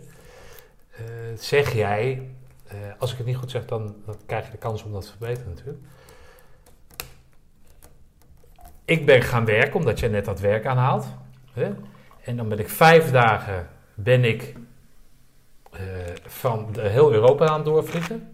Hè? In de vorige functie. Ja, dat was, ja. Ehm, maar als ik dan thuis ben, dan wil ik ook 105, slechts 104 104 procent die tijd zo benutten dat ik, zo vul ik hem in, de energie heb om weer die vijf dagen te moeten leveren. Nee, want dan sta je in dienst van die vijf dagen. Ik, bij mij is het andersom. Ik wil die vijf dagen wil ik plezier hebben en mijn werk gewoon leuk doen. En eh, daar moet ook iedere dag iets opleveren. Voor mezelf Ja. en voor de werkgever. Maar die twee dagen die privé zijn, die wil ik 104% gevuld hebben en mooi als herinnering meenemen. Die Ja. komt niet meer terug ook, hè? Nee, oké, maar Die dag komt niet meer terug. Nee, maar die, die geeft jou wel energie om die vijf dagen ook weer door te Nee, komen. dat kan ik zonder dat weekend ook wel. Ik kan gewoon continu kan ik door blijven werken. Ja? natuurlijk. Oh, Ja, ik dacht want juist dat jou Nou, dat juist. ver- Vergeet niet dat, dat de weekenden eh, nogal, eh, laten we zeggen, eh, enerverend worden ingevuld. Dus we gaan s morgens vroeg gaan we Ja, niet bijvoorbeeld nu, hè? Ik heb het over vroeger. Oh ja, vroeger. Ja, maar dat geldt hetzelfde voor. Dan was het met eh, bijvoorbeeld als de, de kinderen wat kleiner waren. Dan wilde ik in de weekenden wilde ik allemaal leuke dingen doen met de kinderen, want die kom je door de week niet tegen. Niet zoveel als in het weekend. Dan kun je van ochtends tot 's avonds samen iets doen. Ja, en, maar de, de rest van de week moet je ook gewoon kunnen leven. Hm. Het is niet zo dat, dat je ofwel het door de week oplaat op je werk om het weekend door te komen, of andersom. Nee, Het tuurlijk. moet een aanvulling Nee, maar ik, zijn ik probeer het alleen maar positief te brengen. Ja. Nee, ik zie het alleen maar als positief. Hè? Want ik heb, heb daarin, zeg als tegenhanger, kom ik heel vaak mensen tegen, waarvan uit, in mijn hele leven al, mensen tegen, die echt werken om dat weekend te beleven. Snap je? Maar puur om daar geld te verdienen, zodat ze in het weekend leuke dingen kunnen doen. Ja. Maar dan, dan schieten ze, wat mij betreft, schieten ze dan tekort in het leveren van prestaties op dat werk. Snap je? Ja, ik ben toch wel aangenomen. Ik ben, eh, ze kunnen mij hier nooit ontslaan. Ehm, ja, en ik wacht gewoon dat het tien voor vijf is, terwijl ik om vijf uur weg mag. En dan om- dan hoop ik dat ik om vijf over vijf ook daadwerkelijk buiten sta. Anders zit ik alweer vijf minuten in mijn eigen tijd. Ja. Dat verdoe ik hier. Snap je? Hetzelfde als dat, wel als laatste vond ik dan wel grappig. Een van de quote of zo. Van eh, een meisje die zei, bij mij thuis poepen. Hoezo? Dat doe je toch op je werk? Weet je wel, om de Ja, tijd ja, door te komen. nou, zo'n zo'n instelling, snap je? Dat, dat, ja, daar, daar bots ik dan tegenaan. Daar heb ik vaak moeite mee. Snap je? Omdat, ja, in de meest productieve tijd van je, van je dag ben jij aan het werk. Voor, hè, als je in loondienst bent, voor iemand anders. Ja, toch? Dus, dus Ja. dan, dan, dan bepaalt het een heel groot stuk van je leven. Bepaalt het. En het weekend is maar twee dagen, toch? Dat klopt. Alleen, ja, het, het ligt misschien ook aan het soort werk wat je doet. Want in mijn geval Ja. betekent het dat je niet van eh 9 to 5 aanwezig hoeft te zijn. Eh, laten we zeggen, als je in een salesbaan eh, functioneert en het gaat allemaal goed zakelijk gezien, hoef je er misschien helemaal niet te zijn. Want alles komt binnen omdat je het goed ingeregeld hebt. Ja. Misschien komen de beste ideeën wel op het moment dat je thuis of op de bank zit of op het moment dat je van de zaak naar huis rijdt. Denk je, eh, ik ga nu ga ik dat- dat product ga ik ontwikkelen, want daar zit de markt in. En dat je s'avonds op je computer nog eens een keertje gaat kijken of tegenwoordig andere middelen die je hebt. eh, wat je er allemaal aan kan doen, welke markt je kunt onderzoeken. En dan zit je gewoon in je, in je vrije tijd zit je dingen te verzinnen die dan zakelijk gebruikt kunnen worden. Hm. Ja, tegenwoordig heb je LinkedIn en je hebt allerlei dingen, internet. En, dus daar kun je nog eh, heel lang mee verder. Betekent niet dat je het allemaal moet doen. Maar het is wel zo dat eh, als je, eh, zeker bij mannen, als mannen rust hebben, gaat het hoofd nadenken. Als je bezig dan heb bent, ik het, heb ik of als het er toch, tegen je gepraat wordt, kun je dat niet zo goed ja, als heb ik het toch verkeerd, verkeerd ingeschat dan. Of het verkeerd, dan is het verkeerd bij mij binnengekomen. Hè? Ik, ik, ik vond jou niet zo erg als die mensen die zeggen, nou in de baasse tijd ga je poepen, want anders... Hè? Nee, Weet dat je dat? niet doen. Helemaal niet. Ehm, maar meer dat, het, dat je dus inderdaad gewoon werkte om. eh, of dat energie, dat energie. De energie blijft op een of andere manier bij mij hangen. Maar vertel eens wat over je werk. Want jij, ik, het, het leek namelijk, omdat je dat ma- maximum, waar ik me dus heel erg op geconcentreerd heb, dat maximum plus. Wel, dat werk voor jou niet belangrijk is, maar werk is dus wel belangrijk voor jou. Of niet? Ja, werk is wel een heel belangrijk onderdeel van mijn leven. Want zonder, leven, zonder mijn werk heb ik niet het inkomen, heb ik niet de, de Ja, levensstijl die ik heb. Dat geldt voor iedereen. Ja, oké, maar als je Dus dat dus los, los ziet daarnaast, van het hè? geld. Daarnaast, daarnaast geeft het heel veel voldoening om te werken. Want je kunt iedere dag de credits halen door iets te doen. Wat er voor de zaak toe doet of wat er voor jou toe doet. En dat kan voor iedereen verschillend zijn. In mijn geval betekent dat ik eh, een eh, project ga laten lopen waar je enige tijd naartoe werkt. En dan zie je dat relaties dat in één keer gaan afnemen en het waarderen ook. En dat waarderen, dat zie je doordat er een tweede bestelling komt en dat Ja. Continu Duid, iets gaat duid lopen. eens even voor de luisteraar aan wat jij, wat je, in welke handel je zit. Ja, ik zit nu in de, in, in, in de zelfklevende industrie. Werk ik bij een etikettendrukkerij. En daarvoor heb ik bij een leverancier daarvoor gewerkt. Het is een grappige term, zelfklevende industrie. Als je dat zegt, denk ik, hm, waar gaat het heen? Ja, Maar dat zijn dus stickers. ja, ja, ja, ja, ja, ja. De, volks, ja, voor de grap. stickers. ja, voor de grap noem ik wel eens eh, dat ik in de sticky business werk. zeg maar. Dat ja. is een beetje ver van, eh, van het doel af. Ja, en het is mooi als je dan een bepaalde toepassing hebt waar het moeilijk is om een etiket te vinden wat echt goed blijft zitten in de omstandigheid waarin de klant het allemaal gebruikt. Ja, geef dat voorbeeld Voor van die naald bijvoorbeeld, want dat vond ik namelijk, dat kon ik heel, heel erg Nou, visualiseren. Ja, ik zal, ik zal een ander voorbeeld noemen. Is, eh, bijvoorbeeld, er zijn eh, inknijpbare flesjes waar oogdruppels in zitten. En daar is een speciale kleefstof voor nodig. Want als je een kleefstof op doet met heel veel eh tachifiers, dat zijn de chemische componenten die willen migreren, gaan ze door, die, door dat flesje heen richting de oogdruppel. En in plaats van je oog dan schoon te maken, kleeft die, kan die niet meer open. Nou, zo krijg je dus zeg maar, een, eh, mogelijkheid dat er iets gaat eh, contamineren. Nou, die speciale kleefstof, die heeft grote moleculen, die gaan niet door die wand heen van die inknijpbare flesjes. En zo kun je een speciaal product ontwikkelen. Nou, en dat kan dan in de industrie goed gebruikt worden. En het is fijn als je met eh, farmaceutische bedrijven in heel Europa mag praten, om dan een product aan te bieden waarvan jij al weet, dit gaat jou een voordeel opleveren, alleen je weet het nog niet. En dan ga je een traject in van, nou, je kunt het wel testen, maar wat heb je nodig? Ik heb de chemische samenstelling nodig. Ja, die geven we niet. Dan moet je eerst een eh, NDA tekenen, een, eh, een agreement dat je dat eh, geheim houdt. Dan krijg je de chemische structuur of de chemische samenstelling. En dan mag je het gaan testen. En dan gaat er een jaar overheen, en soms twee. Zetten ze dat in een migratiestudie. En daarna pas gaat in één keer in een bepaalde markt, waarvan je eigenlijk niet meer weet dat het er was, gaat er in één keer een productlijn lopen. Nou, dat is dat product. Dus het- op die manier is het heel leuk om Ja. ja, in een proces te zitten. Ik, ik weet niks van de farmaceutische industrie. Nee. Alleen van die Maar word je maar getipt? Of, of, gaat- ik of, ga er naartoe. Ik ga mezelf nee, maar word je getipt zo van... Hè, want jij legt dat dan ergens neer. Ik begin nu al te denken van... Ja, waar, wat kan ik nou eens verzinnen... Waar aan, dat ik aan jou kan vragen... Weet je wel, wat, wat is een goede toepassing of zo? Jij Ja. vertelde dat voorbeeld van die naald. Ja, Hè, dus, dus dat is een buisje. Vertel het zelf ja een injectienaald. Ja. Daar moet je doorheen kunnen kijken. Ja. Als het, dan dan klopt, tikken ze meestal tegen het glas aan of er geen eh, luchtbelletje in zit. Maar als het een wit etiket is, kun je er niet doorheen kijken. Dus dan moet het een transparant etiket zijn. En dan moet het helemaal rondom gelabeld worden, op een hele kleine diameter. En dan moet je niet gaan loslaten aan de hoekjes. Ja, daar heb je ook een speciaal Ja. materiaal voor nodig. Ja.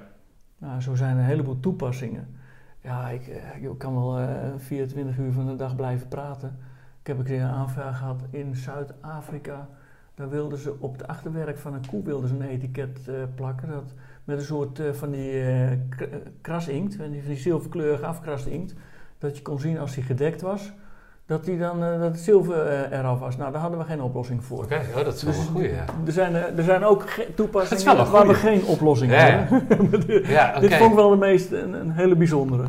Ja, oké. Ja. Maar, hoe heet dat? Ehm, eh, eh, even naar die tip. Krijg je dan de vraag uit die industrie? Ja. Ben je zelf, zoals jij zegt, ik rij naar huis en denk, godverdomme, die moet ik eens morgen eens even bellen. Of Ja. dat, Ja, beide. We hebben in, in eerste instantie hebben we een vraag gehad uit, eh, uit, de, in- uit de farmaceutische industrie of daar iets voor te vinden was. Vervolgens is er iets ontwikkeld. En daarna is mijn rol gaan, eh, gaan beginnen om te kijken wie wil dat nog meer in Europa. En dan moet je naar, in mijn geval ben ik naar eh, seminars geweest en naar beurzen om te kijken welke industrietakken gebruiken die inknijbare flesjes allemaal. Ja. En waar worden die gemaakt? Want degene die het maakt, die zet die machines daarvoor neer. Die kun je ook vragen welke klanten hebben met dit probleem te maken. Laat ze dan ook eh, weten wat, dat er een oplossing is en laat ze naar Ja. mij bellen. Oké. En Hoe zit het met de concurrentie dan? Want als het, zegt, jij zegt een jaar, twee jaar, dan moet daar toch, dat moet toch ergens doorcijpelen. God, die lui zijn daar en daar mee bezig. eh, kunnen wij dat hebben, ook we- niet? dit hebben we vrij lang door kunnen trekken. Ja? Ja. dit hebben we vrij lang door kunnen trekken. Als iets eenmaal gespecificeerd is in deze eh, farmaceutische industrieën, gaan ze dat niet herspecificeren om het een dubbeltje goedkoper te krijgen. Oh, niet? Oh, oké. Nee, dat Dus je gelopen moet altijd op zoek gaan naar primeurs. Alles wat je aanraakt wordt, is een primeur, zeg maar. Ja, ja daar Oké. ja. Dus heel veel van geleerd ook. En eh, ja, ik had toen ook de vrijheid om te reizen in Europa. Daarnaast eh, farmaceutische etiketten, materialen, is het dan niet zo moeilijk om autobandenmaterialen hetzelfde te doen. Als je product hebt wat op winterbanden goed blijft zitten, of op zomerbanden, of op slinger enzovoort, dan kun je dat ook uitrollen. En dan ga je naar een aantal eh, autobandenproducenten, ga je mee praten en dan kijken of zij dat willen gaan gebruiken. En of Aan de zijkant dan, of zo? eh, het is voornamelijk voor eh, eerste montage of eh, ja, je hebt eerste montage, die worden niet geëtiketteerd, die zitten al onder de auto. Ja, Het is meer voor de banden die daarna geleverd worden Ja, ja, via de quickfit en dat ja soort oh zo ja. Oh, in de binnenkant van de, van Nee, de buitenzijde. Er aan staat de de, maat, de maat op en Oh, dat soort dingen. Ja, ja, oké. Oh, dat ze hem eraf kunnen halen en meteen... Op je auto zetten. Ja, ja, maar oké. er zit wel een etiket op voor dat. Ja, nou, dat, daar hebben we dus ook eh, toen een productmix van gemaakt. En daarna eh, hebben we een productmix gemaakt van veiligheidsetiketten. Dus als je het ergens afhaalt, dat het iets achterlaat of dat het breekt. Of nou, zo kun je meerdere dingen verzinnen die als feature in dat materiaal zitten. Oké. Eh, en ja, en die materialen hebben we dan, als je die ontwikkeld hebt, Ja. Moet het naar de markt gebracht worden. Maar ik kan heel Europa niet aansturen. Dus bezoek ik collega's, geef trainingen, eh, monstermaterialen. Nou ja, zo zijn er allerlei Oké. promotionele. Innoverende baan. Dat was een hele enerverende baan. Ja. Maar wat doe je nu dan? Je zit nog steeds in die branche, toch? Ja. ja, ik heb dat 18 jaar gedaan. Oké. Dus 18 jaar voor een Fins bedrijf gewerkt. Eh eerste vier jaar Nederland. En de volgende 14, eh, ja, laat maar zeggen, vrij reizen in Europa, ga je gang. Daarna is het bedrijf gaan reorganiseren, een paar keer achter elkaar. De eerste keer eh, kreeg ik een nieuwe functie met een groepje mensen. De tweede keer gingen er wat mensen uit. En de derde keer ging ik eruit en het hele groepje eruit. Hm. Dus toen moest ik negen maanden moest ik, eh, op zoek naar een andere baan. Dat heb ik ook eh, niet werkzoekend, of ik heb mezelf werkzoekend genoemd in plaats van eh, Werkloos. werkloos. En dat was niet zo'n succes. Negen maanden gewoon eh, ja, iets van 120, 130 sollicitaties eruit. Wel 20 gesprekken Hoe oud was je toen? Ja, ik kan wel terugrekenen, maar ik kan het ook vragen hier. Eh, dat is nu eh 50, rond de 50. eh, het is, nee, even nadenken. Ja, 50. Oké. Rond de En wa- 50, eh, zeg maar 120 sollicitaties eruit. eh grofweg 20 uitnodigingen gehad. Vind ik nog best te scoren, maar dat werd allemaal niks. Was in uh, crisistijd. En na. Uh, oh ja, 2007, 2008 natuurlijk. Ja, ja, ja, ja, was niet best. Ja. Finse bedrijf had goed afscheid genomen van mij. Moet ik eerlijk zeggen. Ze hebben een, uh, laten we zeggen, een bonus meegegeven. En ik mocht de auto nog een half jaar gebruiken en de laptop ook en mijn telefoon. Allemaal perfect geregeld. Ze hebben de advocaat betaald die er nog tussen zat om het te regelen. En uiteindelijk heb ik na negen maanden werkzoekend zijn, werd ik gebeld door een etikettendrukkerij die ik al jaren ken. En de beide eigenaren hebben me uitgenodigd. En na twee uurtjes lunchen hebben we gezegd, gaan we doen. En dan ben ik begonnen. Oké. Okay. Dan werk ik nu nog. En nu is mijn specialiteit is om uh, te helpen bedrijven die uh, etiketten nodig hebben, om die aan het juiste etiketsoort uh, ja, te Ja, oké.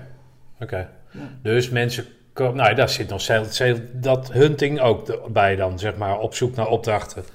Ja, en oplossingen. Het liefst, het liefst heb ik oplossingen. Want, nee, uh, snap, maar mensen komen, niet, halen, niet, mensen komen niet alleen naar jullie toe, maar jullie gaan ook naar mensen toe. Goh, ik heb zo zitten denken op de weg terug. Toen moest ik aan jou denken, want jij doet toch in dat en dat en hoort daar niet... Ja, wat zou jij denken van... zo is het niet helemaal. Het is niet zo dat je met één oplossing... Voor een deel is het, is het correct. Er zijn een aantal toepassingen in ziekenhuizen nu. Uh, op de spoedeisende hulp en op de IC. Waarin speciale etiketten gebruikt worden. Bij de spoedeisende hulp om je naam op te kunnen schrijven. Dus als iemand binnengebracht wordt, dan staat daar de functie op. Arts uh, of... Uh, nou ja, noem maar wat, maar, maar dan kun je ook je naam erop schrijven. Okay. Dus dan weten ze welke persoon en welke functie. En het gaat met name bij een traumaopvang. Als er een heleboel mensen om een bed staan en ze weten niet wie wie is, dan kun je niet aan iedereen vragen: wil je even bloed halen? Want dat is toevallig uh, de, de traumaarts. Nou, om die uh, uit elkaar te houden maken we speciale labels voor. Maar dan ga je op zoek naar de structuur waar dat dan opgeplakt wordt. Nee, niet? nee ik, eh, dat, dat, weten we al. Dat is al uitgetest en dat werkt. Maar wat, wat en wat ik nu doe is, ik zoek naar de ziekenhuizen die het nog niet gebruiken en breng oh, het onder hun aandacht. Ja, ja, oké. Oh, dat is wel leuk. LinkedIn is daar een fantastisch medium voor. Dus je kunt uh, artsen of traumaartsen kun je opzoeken en vragen met een filmpje op de achtergrond. Zou dit, uh, ja. ik ben Sven Olsma, wil je linken? Vind je dit interessant? Zo niet? Prima. Het moet een toevoeging zijn. Hè? Het, is niet zo. Nee, Oké, oh mooi. Ja, een goede, goede, uh, ja. goede manier van werven dan. Absoluut. Ja. absoluut. Het moet dankbaar werk zijn. Hè? Dus, en dat, dat bedoel ik nou met ja, dat Medium Plus. Je kunt ook heel goed werk verrichten en hier credits uithalen per dag. Hm. En dan de toepassing kan zijn op de, even kijken, op de OK-afdeling, waarin medicatie gegeven wordt, dat ze een gekleurd label hebben. Ze kunnen zien wat voor soort medicinale stof is het. Hoort in die groep, want het is geel. En ze kunnen het scannen met een barcode. Dan zien ze meteen wat het is, wat er in dat buisje zit. Oh, oké. En dan kun je voor een deel doorheen kijken, maar een deel ook niet. Dat is best hm. een complex ding. En er zijn nu twee ziekenhuizen die, uh, die daarin uh, aangesloten zijn. Okay. Maar deze baan geeft natuurlijk veel meer rust. Ja, absoluut. Terwijl jij eigenlijk nu een leeftijd uh, bereikt hebt waarop je die rust qua kinderen en zo, ja, dat, dat is al, die, die jongens zijn thuis uit. Ja. Um, maar hoe deed je dat dan? Wat, hoe deed je dat vroeger dan? Want dan mag jij vrij reizen. Het klinkt als, nou ja, een fantastische functie. Wat jij mij net vertelde, of uh, toen we in bij zaten. Ja, en vroeg ik aan hun, wat moest ik doen? Ja, dat moet je zelf weten. maar hoe moet ik dat dan doen? Ja, maar dat moet je zelf weten. We hebben jou, hè, eigenlijk een beetje van, we hebben jou toch gevraagd? Nou, dan zoek het lekker zelf uit. Nou, dat lijkt me een fantastische functie. Maar als daarbij kleine kinderen komen, een huwelijk, een huis, ik weet het allemaal niet hoe deed, dat op, dat, hoe deed je dat toen dan? Ja, ja dat was inderdaad uh, dat over het algemeen werd heel veel gereisd in Europa. Uh, ik zat ook op kantoor. We hielden ook kantoren hier in, uh, in Nederland bij Utrecht. Maar als er gereisd moest worden, dan werd dat gepland. Over het algemeen probeerde ik het wel zo te doen dat, dat er enige logica in de reizen zat. Maar ja, het gebeurde ook dat je, wat ik vertelde als voorbeeld, via Polen ga je Europa uit of ga je Nederland uit. En via Barcelona kom je het einde van de week binnen. Ja, die week is dan voorbij. De week erop probeer je dan wel wat, wat minder, want je kunt niet continu iedere week reizen. Dat kan niet, want je moet ook dingen doen. Als je iets belooft, moet je ook dingen doen. Maar het betekent wel dat ik best veel in het buitenland zat. En was het niet om te presenteren, of gevraagd te worden om te presenteren, of klanten te bezoeken, dat ik in Finland zat om dingen weer in productontwikkeling te doen. Mm. Dus dat je dan eh, op zondagavond al ging invliegen en dan kwam je op eh, donderdagavond kwam je wel weer thuis. Hm. Dat gebeurt. Ja, dan, eh, dan mis je dat stuk aan de ervaring met je kinderen, maar dat, dat deden we in het weekend zeker wel goed maken. In, in mijn geval was er wel iets wat ik, eh, wat ik erg miste, maar wat in het weekend, eh, ja, dat ging met de kinderen. Ja, maar is het dan niet zo wat je wel eens hoort van, ja, als papa altijd weg is, dan gaan, en, en er zijn maar één of twee dagen met papa door te brengen, dan gaan we natuurlijk niet op papa's kop zeiken. Dat doen we wel als, als papa weg is en dan gaan we... Nee, die situatie heeft nooit gekend. Nee hoor. Nee, want we zetten er nooit bij, want je was al in het buitenland, zeg die kinderen die waren dan, eh, die, ondanks dat ze dan eh, met de moeder in, in, zeg maar in Nederland waren hier en eh, dat ik in het buitenland zou zitten, dan maak je niet alleen maar hele weken. Ik, het is niet zo dat je altijd op zondag weggaat en op vrijdag terugkomt. Er zit ook wel. Nee, dat snap ik. door Nee, dat week snap ik. Maar het is... Kom je woensdagavond thuis of Nee, zo, tuurlijk. Nee, dat Ja. zal, maar het is, toch, het is niet een gewoon leven. Het is geen medium-size leven. Nee, dat was zeker niet. Het was eh full swing er tegenaan. Precies. En wakker blijven. Ja. Continu eh, ja, zorgen dat je, de, dat je je conditie op peil houdt. En de dingen die gebeuren, dat je die ook strak hebt. Want Ja. je kunt wel vrij reizen, maar dat is je baan niet. Nee. Je baan is om Nee, dingen te creëren. Ik lach omdat jij dat vrij reizen. Helemaal niet brengt van kijk mij nou vrij reizen. Maar het vrij reizen geeft inhoud aan jouw functie. Precies. Het Van was doe maar, maakt niet Europa, uit. Ja. Europa is jouw werkgebied. Ja. En of je nu eh, naar Spanje, Nou, wat ik net zei, Spanje het maakt me gereed uit wat je doet. Ja, precies. Eh, Fix het maar. collega's in, eh, in Rusland, ja, dan, dan moet je naar Rusland doen. Ja, dat klopt. En dan moet je je reis Ja. boeken. Ja, dan moet je dat doen. Dat, Ja. Zoek het maar Nou, uit. lijkt me heerlijk, toch? Ja, maar het moet wel allemaal binnen, want je kunt of heel veel reizen en er komt niks uit. Of je, je zoekt je balans op. afronden. Ja, er moet wat uitkomen. Ja. Ja. Nee, absoluut. En, Oké. en in, en, maar ook door de week, want dat deed ik dan ook. eh, als ik in Spanje was, dan nam ik bijvoorbeeld vanuit eh, vliegveld eh, Madrid of eh, Barcelona, nam ik Spaanse dingen mee. Dus nam ik Spaanse kaasjes mee, even proeven. Hm. Nou, als het goed viel, dan eh, nam ik ze de volgende keer weer mee. En eh, vanuit Finland kwamen altijd eh, de Finse snoepjes en eh, dat soort dingen. Altijd een pakketje, iets voor de kinderen meenemen. En, eh, Ja. Dus daar daar heeft, echt, eh, daar heeft het gezin ook plezier aan gehad. Ja, oké.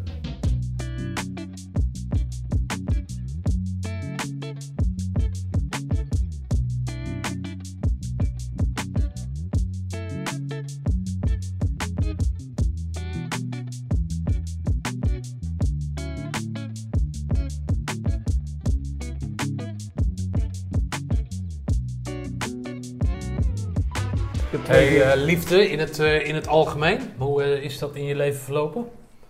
Ja, dat is ook een goede vraag. Eh, Dank je. ik heb, ja, eh, ik moet zeggen dat ik eh, tot mijn veertigste heb ik eigenlijk een eh flat-out, eh, hoe heet het, eh, gelukkig leven geleid. Gewoon. Alles ging eh, zoals het ging. Ik ben nooit op school blijven zitten. Ik heb gewoon commandoopleiding heb ik eh, gewoon kunnen afronden. Ik heb gewoon een baan kunnen vinden in de grafische industrie, waar mijn opleiding voor was. En dat heb ik tot mijn eh, veertigste gewoon kunnen doortrekken. In, en daarna kwam er, eh, kwam er een vrouw waarmee ik getrouwd ben. Er kwamen twee kinderen In die 40 jaar, in die toch? 40 Ja, ja, jaar. Eh, er kwam een huis, een koopwoning, verkocht. Tweede koopwoning, hartstikke mooi. Tweede auto. En op een zeker moment ja, is dat gestopt. Dat huwelijk eh, is op een zeker moment is dat, eh, heeft het geen stand gehouden. En daarna eh, ja, ben ik even zoekend geweest. Eh, Wil je daar wat inhoud aan geven? En in, in wat dat dan is? Want dat vond ik namelijk zo fascinerend. Je hoeft niet in te gaan van mij over die scheiding. En dat moet je allemaal lekker zelf weten. Maar wat ik zo mooi vind, en misschien stel ik de vraag te vroeg. Ik moet af en toe ook weten mijn mond te houden, maar dat lukt mij af en toe niet. Maar wat ik zo mooi vond, was wat jij vertelde op dat, op dat plein in, eh, in het eerder genoemde wijk Beduurstede. Dat jij een leven had alsof jij zeg maar vanuit, vanuit jezelf tredend op dat di- ding keek. En dan naar een situatie kijkt. Nou, man, vrouw, twee kinderen, goede baan. Kan erover opgeppen, hè, om het zo maar te zeggen, want hij is altijd weg. Eh, goed salaris, ze kunnen leuke dingen doen. Nou, Prima. En dat dat het was. Zo van, nou, dit kan ik tot mijn zeventigste volhouden. Toch? Ja, dat klopt. En wat was dan die kentering dat maakte dat jij nu daar anders over denkt? Of daar nu anders tegenaan kijkt? Ja. ja, daar kijk ik inderdaad nu anders tegenaan. En dat heeft misschien met, eh, met leeftijd te maken. Dat heeft uiteraard met ervaring, levenservaring te maken. Degene dingen die je meemaakt. Eh, misschien is het wel zo dat eh, je op een gegeven moment beseft, nu zeker, dat het leven eindig is. Daar hebben we het nog niet over gehad. Maar een voorbeeld is, eh, nee, laat ik het anders zeggen. Bij het Korps Commandotroep heb ik een keer horen zeggen, en vond ik wel heel erg leuk toen. Commando's gaan niet naar de hemel, commando's gaan niet naar de hel, commando's gaan naar het Walhalla. Oh. Ik weet niet of je die uitspraak wel eens gehoord hebt. En heren. Ik vond hem heel erg leuk om Ja. te horen. Vond ik en heel erg leuk. Wat, wat, Dat is lekker flat out, gewoon, het slaat nergens op wat je Oh, zegt. oké. En dat heb, ik, dat heb ik eens een keer iemand horen zeggen. Vond ik heel erg leuk, vind nog steeds leuk. Vind Ja, het ook leuk om te vertellen. Maar inmiddels ben ik er wel achter dat de hemel en de hel en het walhalla, die bestaan allemaal niet. Tenminste, zo zie ik het. Daar mag ook iedereen anders over denken. Dat is mijn, eh, dat is mijn eh, filosofie. Dus het leven is wel sterfelijk, wat ik op 20-jarige leeftijd net uit korpscommandotroepen anders zag. Ik denk, nou, die is niet te verslaan. Dat is er wel zo. En nu heb je een periode dat je nog, zeg maar, je mag eh, tot, tot en met je negentigste, als je dat mag worden, mag je hem nog invullen. Vanaf nu. Ja, ja. Wat wil je nog doen? Wat wil je die laatste jaren nog gaan doen? En een van mijn vrienden zei laatst precies hetzelfde, want daar, daar heb ik het ook van. Eh, hoe, hoeveel denk je te worden? Welke leeftijd? Denk je nog goed en mobiel te zijn? Laten we zeggen, gemiddelde leeftijd 85. Nou, ben nu bijna 60. 85. Min 60, 25 jaar. Wat wil je de komende 25 zomers nog gaan doen? Om het een beetje korter te maken. Ja. Ja, ik weet het niet. Want niemand kijkt 25 jaar vooruit. Nee, maar dat is, om ja. even terug te pakken. Waar het op neerkomt, is dat jij dus tegen mij zei. Ik keek op die situatie. Zo had ik. Of nee, jij zei iets van. Ik had me dat zo voorgesteld. Ja, dat, dat, dat, dat loopt dan. En op een gegeven moment dan lig je in die kist. En dat heb je niet door en dan ben je dood. Want en toen is er een kentering in dat hele verhaal gekomen. Door jouw scheiding. Of door jullie scheiding. Eh, en toen ben je zeg maar helemaal dwars, ondanks dat je dat, hè, dat medium size plus al had, hè, dat had je toen ook al, is dat, ondanks dat je dat al had, is, is die levenshouding heel anders geworden. Dus niet meer beschouwend van, nou, nou, vertel eens daar eens wat over. Wat, ja, dat, doe je dat? Ja, het gaat mij inderdaad om de levenservaring. En niet om spullen. Dat is waarschijnlijk waar ik op doe. nou, het, ja, ook, ja, je levenservaring. iets anders ontlokken? Nou, nee, helemaal, nee, helemaal niet ontlokken. Maar jij bent iemand tegengekomen. Esther in deze, Ja, toch? En met Esther op een of andere manier ben je anders tegen het leven aangekijken als dat je daarvoor tegen het leven aankeek. ja, Toch? ja, dat is Nou, correct. vertel eens daar eens ja, wat dat over. bedoel je. Ja, Ja. oké. Ja, ja. Wij hebben allebei hebben wij, eh, een verleden zoals iedereen een verleden heeft. En allebei hebben wij eh, een grote hang naar een soort levensavontuur. Levenservaringen, herinneringen. Herinneringen bouwen en iedere keer iets erbij, iets aan toevoegen. Ja. En dan niet in materiële of financiële zin, maar Nee. meer met je hoofd. Ja, maar wat ik nou zo mooi vind aan dat verhaal, ik probeer je ergens heen te douwen, zoals vroeger bij Jos Brink of weet ik van die, eh, die marmotten, weet je wel, Ja, een van de hokje. Precies. André van Duin, André van Duin. Maar waar het om gaat, is dat dat dus in lijn is van die, van die dat medium plus. Snap je? Jij vertelt tegen mij, het gaat mij helemaal niet om. weet je, al zou ik het kunnen betalen, al zou ik het wel of niet, het maakt me geen reet uit. Ik heb, ben gewoon blij met wat ik heb. Snap je? En we hebben het al eerder gehad over dat jaloers. Jij bent helemaal, jij bent helemaal niet voorzien van de gen jaloers of de contact jaloers. Of jij kent geen jaloersheid. Nou, ik, kan, ik durf zo eerlijk te zeggen dat ik dat wel heb. Snap je? En jij zegt niet van, het gaat niet om, we gaan volgende week de Himalaya beklimmen. Want als ik zeg dat we het gaan doen, dan moet het ook gebeuren. Precies. Nee, we steken gewoon rustig in. We hebben een weekend voor. We maken het ons niet moeilijk met helmen, eh, tegenwind, eh racefietsen en weet veel. Nee, je bent ook zo eerlijk dat je gewoon zegt van, ik zit gewoon op de mountain, of hoe heet zo'n ding? E-bike. Eh, E-bike. Ja toch? Mag tegenwoordig hè, dus iedereen heeft het. Interesseert me niet. Nee, precies. me werk Snap niet. je? Maar dat het dus, dat avontuur, hè, dat ik dan denk, eerst in eerste instantie dacht van, jezus, een touw, en kom hier Esther, hier moet je hem toek, toek, toek. Oh hier, oh wacht even, oh daar valt het water, nou dan hebben we de komende dag. Nee, Nee. e-bikie, smiddags lekker lunchen, biertje erbij, Ja. campertje, nou Ja. dat. Vertel, vertel daar eens wat over. Wat, wat, gewoon- wat dat gevoel dan is. Ja, ja wij, willen, wij willen gewoon samen, willen wij eh, heel veel met elkaar, willen wij dingen verzamelen en willen dingen doen.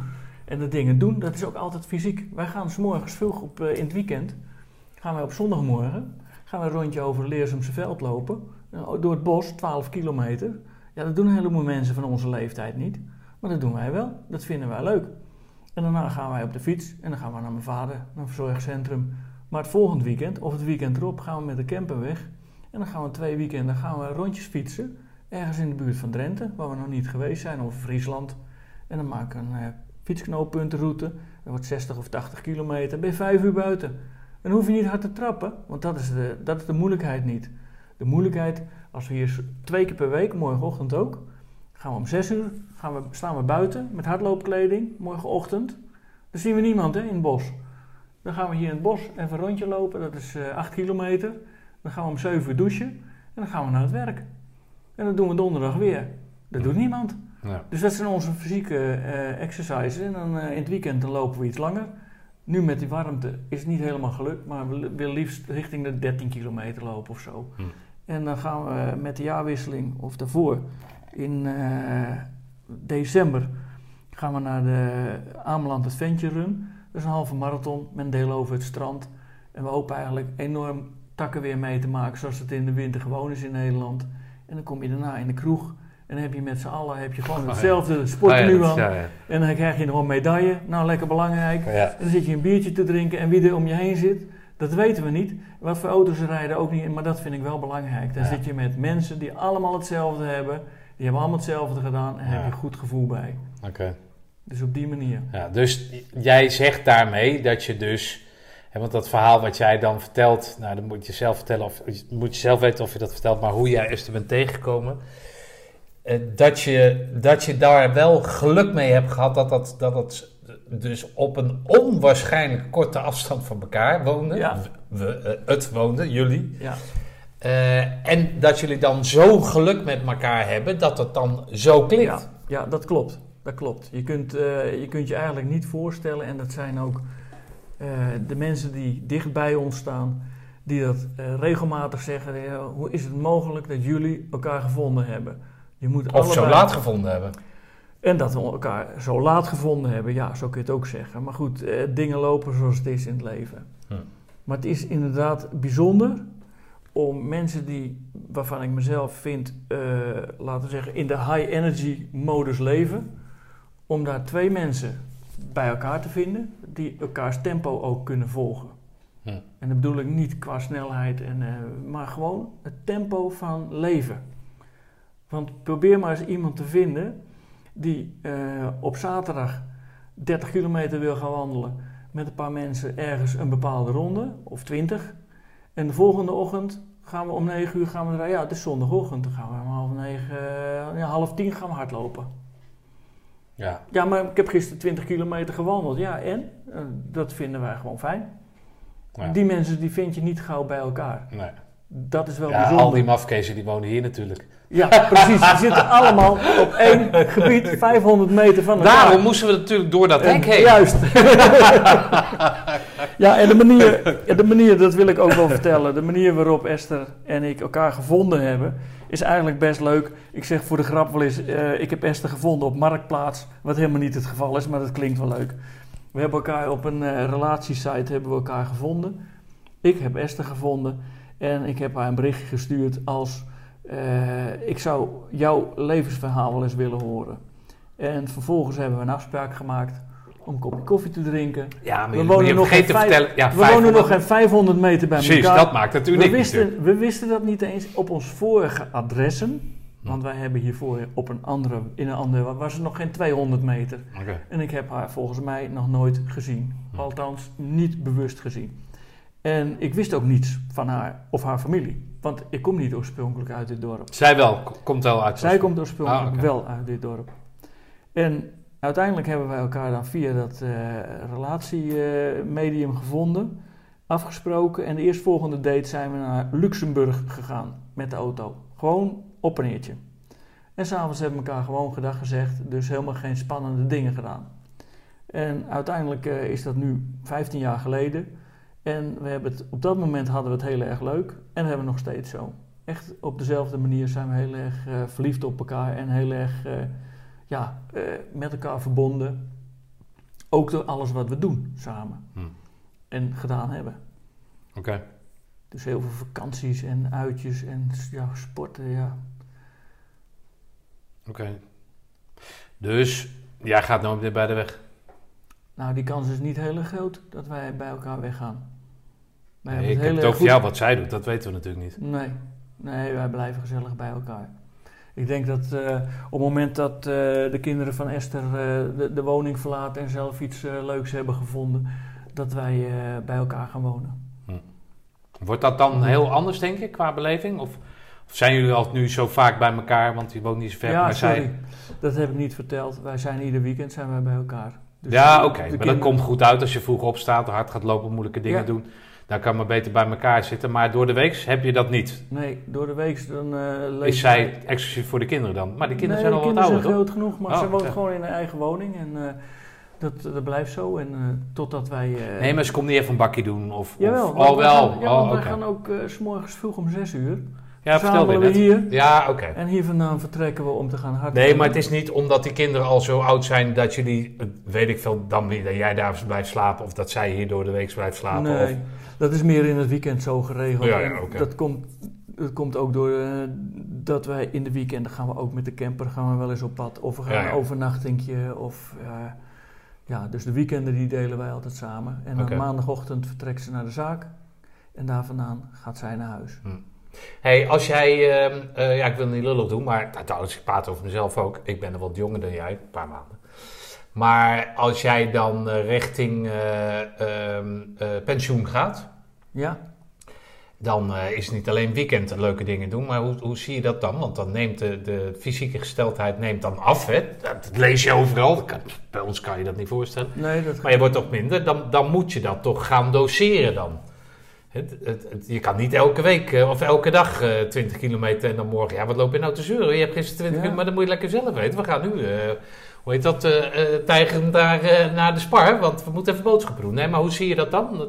Blijft dat continu, want dan, dan als je gaat samenwonen, dan wordt dat wat rustiger. Je kan niet de hele dag natuurlijk vlammen, toch? Nee, dat klopt. Ik kan me ook niet voorstellen wat de indeling dan zou moeten zijn. Want zo, zo dichtbij zit ik dan niet. Om, Nee, dat, maar- om dat in te vullen. Nee, maar wat, Ik- denk, wat denk jij nu hoe dat dan moet gaan? Is dat een fire? Nee, nee, nee. Je, de- de- je moet ook eh, rust pakken. Met sport kun je niet constant alleen maar sporten. Naast sporten moet je ook vaak. Je bent er, nu kan je het duwen in die twee dagen. Ja, En, Nee. Maar dan heb je zeven dagen van de week ben je bij elkaar. ja. Dus er moet daar iets van een ritme in komen. ja, waar we het al over hebben gehad samen is... eh, wij houden heel erg van de natuur. Ik heb in de tijd dat ik werkzoekend was... heb ik Ja. een natuurgidscursus gevolgd. Bij het IVN. En daarin eh, wordt voor de heuvelrug hier wordt een, eh, een les van eh, anderhalf jaar wordt, te volgen aangeboden. Waarin je woensdagavond les krijgt en op zaterdag ga je het veld in met mensen. En in een keer ga je bomen kijken of mossen kijken of bloemen. Of nou ja, je kunt, niet alles vind ik interessant, dat moet ik eerlijk zeggen. Maar het heeft ons wel gedrukt naar een grote interesse in kijken in de natuur. En maak er foto's van. En als je terugkomt, ga je het opzoeken. Wat is er nou eigenlijk eh, voor een vogel? Of nou, vogels die hebben we onderhand allemaal wel gezien. Maar nu... Als een eh, foto van jou ziet. met- Nou, dat is goed. een Dat is een vogel. vogel. ja, In precies. koppertje. Ja, Ja, precies. Ja, Oké. Oh, leuk. nee, dus er zijn, wat ons betreft zijn er dan ook momenten waarin je de natuur in kunt gaan. En daar hoeven we gelukkig niet ver voor. Nee, daar woon je hier En dan kun je, ja, we hebben een camera hier met eh, een telelens. We hebben een eh, verrekijker daar waar je buitengewoon goed dingen kan waarnemen. En dan kunnen we dat verzamelen. En ik zie mezelf dan veel meer in de natuur rondwandelen. Hm. Al dan niet als vrijwilliger. Of je kunt in vrijwillige dienst iets gaan doen bij mensen. Eh, wat zou je nog meer kunnen doen? We hadden het over. Afgelopen weekend zijn we mee gaan doen met eh, beach cleanup. Dat betekent dat je een stuk strand schoonmaakt met een groep mensen. Kan hier ook, hè? Met En de, dat, en dat kun je zelf doen door Ja. een zak te pakken en je pakt zo'n zo'n stok. En Geweldig in je eigen omgeving ga je gewoon s'morgens, ik heb geen hond, ik wil ook geen hond. Ja. Maar ik kan wel met een zak en een stok kan ik langs de Ja. weg dingen ophalen. Ben ik buiten, want daar gaat het dan, dan Eén keer in zoveel tijd word je opgepakt door de politie, maar Dat kan je, zou ik zo kunnen uitleggen. Nee, maar een, een, eh, een- de man van een vriendin van mij, die zit in de gemeenteraad van gemeente Stichts, hoe heet het? Hè? Je- Utrecht Zilverrug. Utrecht Zilver voor de Partij van de Dieren. En die doet elke zaterdag in Maren, laatst, Ja, rond de bushalte, peuken, peuken rapen, eh weet ik wat. Ja, ik vind dat goed hoor. In de zin van, ah, ja, ik ga binnenkort aan het zonnepanelen denken, weet ik wat. Pak een zak, pak een stok. Ja. Of zo'n ding moet je, zo'n grijpertje wel hebben dan natuurlijk. En ga gewoon eh, doen. ja. Weet je wel, het, ziet, het is niet sexy, maar het is reus Ja, dat vind ik dus wel. Ik vind het wel sexy. Ik vind het hartstikke leuk als mensen dat zie doen. Ja, ik weet niet. Ja, ik Eh, heb dat andere... Vind, ik- vind, vind ik wel prima. Oké. En eh, zeker Ja, als, je, nu. als je bij ons een beetje zo aan de rand van het dorp of de doorreisroutes waarin veel fietsers voorbij komen of scholieren Ja, of zo. iedereen flikkert maar... eh, Dat- ja. dat- ja, dat kan ik, ik kan, het is niet goed. Ik kan begrijpen dat bepaalde leeftijdscategorieën of mensen dat doen. Eh, maar als je de tijd hebt om gewoon Ja. een rondje te wandelen. Het is goed voor Je bent je. toch aan het wandelen? Ja. Ja. Dat, dat Nee, zoiets zou ik mezelf wel Ja, kunnen maar zien mijn doen. hond komt er dus bijvoorbeeld niet in, zeg jij. Nou nee, dat, dat is te veel. eh, want als ik wil reizen bijvoorbeeld, als Ja, willen oké. reizen en je zou, Ja. eh, weet ik het, eh, met vliegtuigen ergens heen, of, Ja, dat is waar. dan moet ik een ander belasten met mijn ding. Ja. Dat wil ik niet. Nee, oké. Ja, Nee, dat kan ik me voorstellen, ja. ja. hey, wat, wat is die, die waarde van de baret voor jou? Ja, die staat symbool voor een stuk stabiliteit in je leven en het feit dat je ja, iets uitdagends gedaan hebt, wat niet door iedereen gedaan kan worden. Maar dat is meer een statement naar buiten. Maar wat, wat is het voor, je, voor jezelf dan? Dat anderen niet kunnen, prima. Maar wat heb jij eraan gehad? Wat heb jij in je leven eraan gehad? Of heb je er niks aan gehad? Kan ik natuurlijk denk, ook. Nee, nee, ik de- denk wel dat het, het omgaan in, eh in situatie met druk, dat dat gestimuleerd is door trainingen die je daar hebt meegemaakt.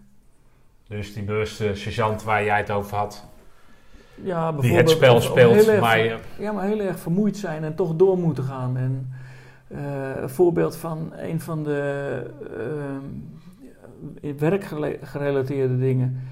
Eh, ik moest in mijn eentje, ik mocht in mijn eentje naar een beurs in Las Vegas. Nou was ik daar al eerder geweest, geen punt. Dus we vliegen van Amsterdam naar Los Angeles. Los Angeles zit te wachten op je koffer. Die komt niet.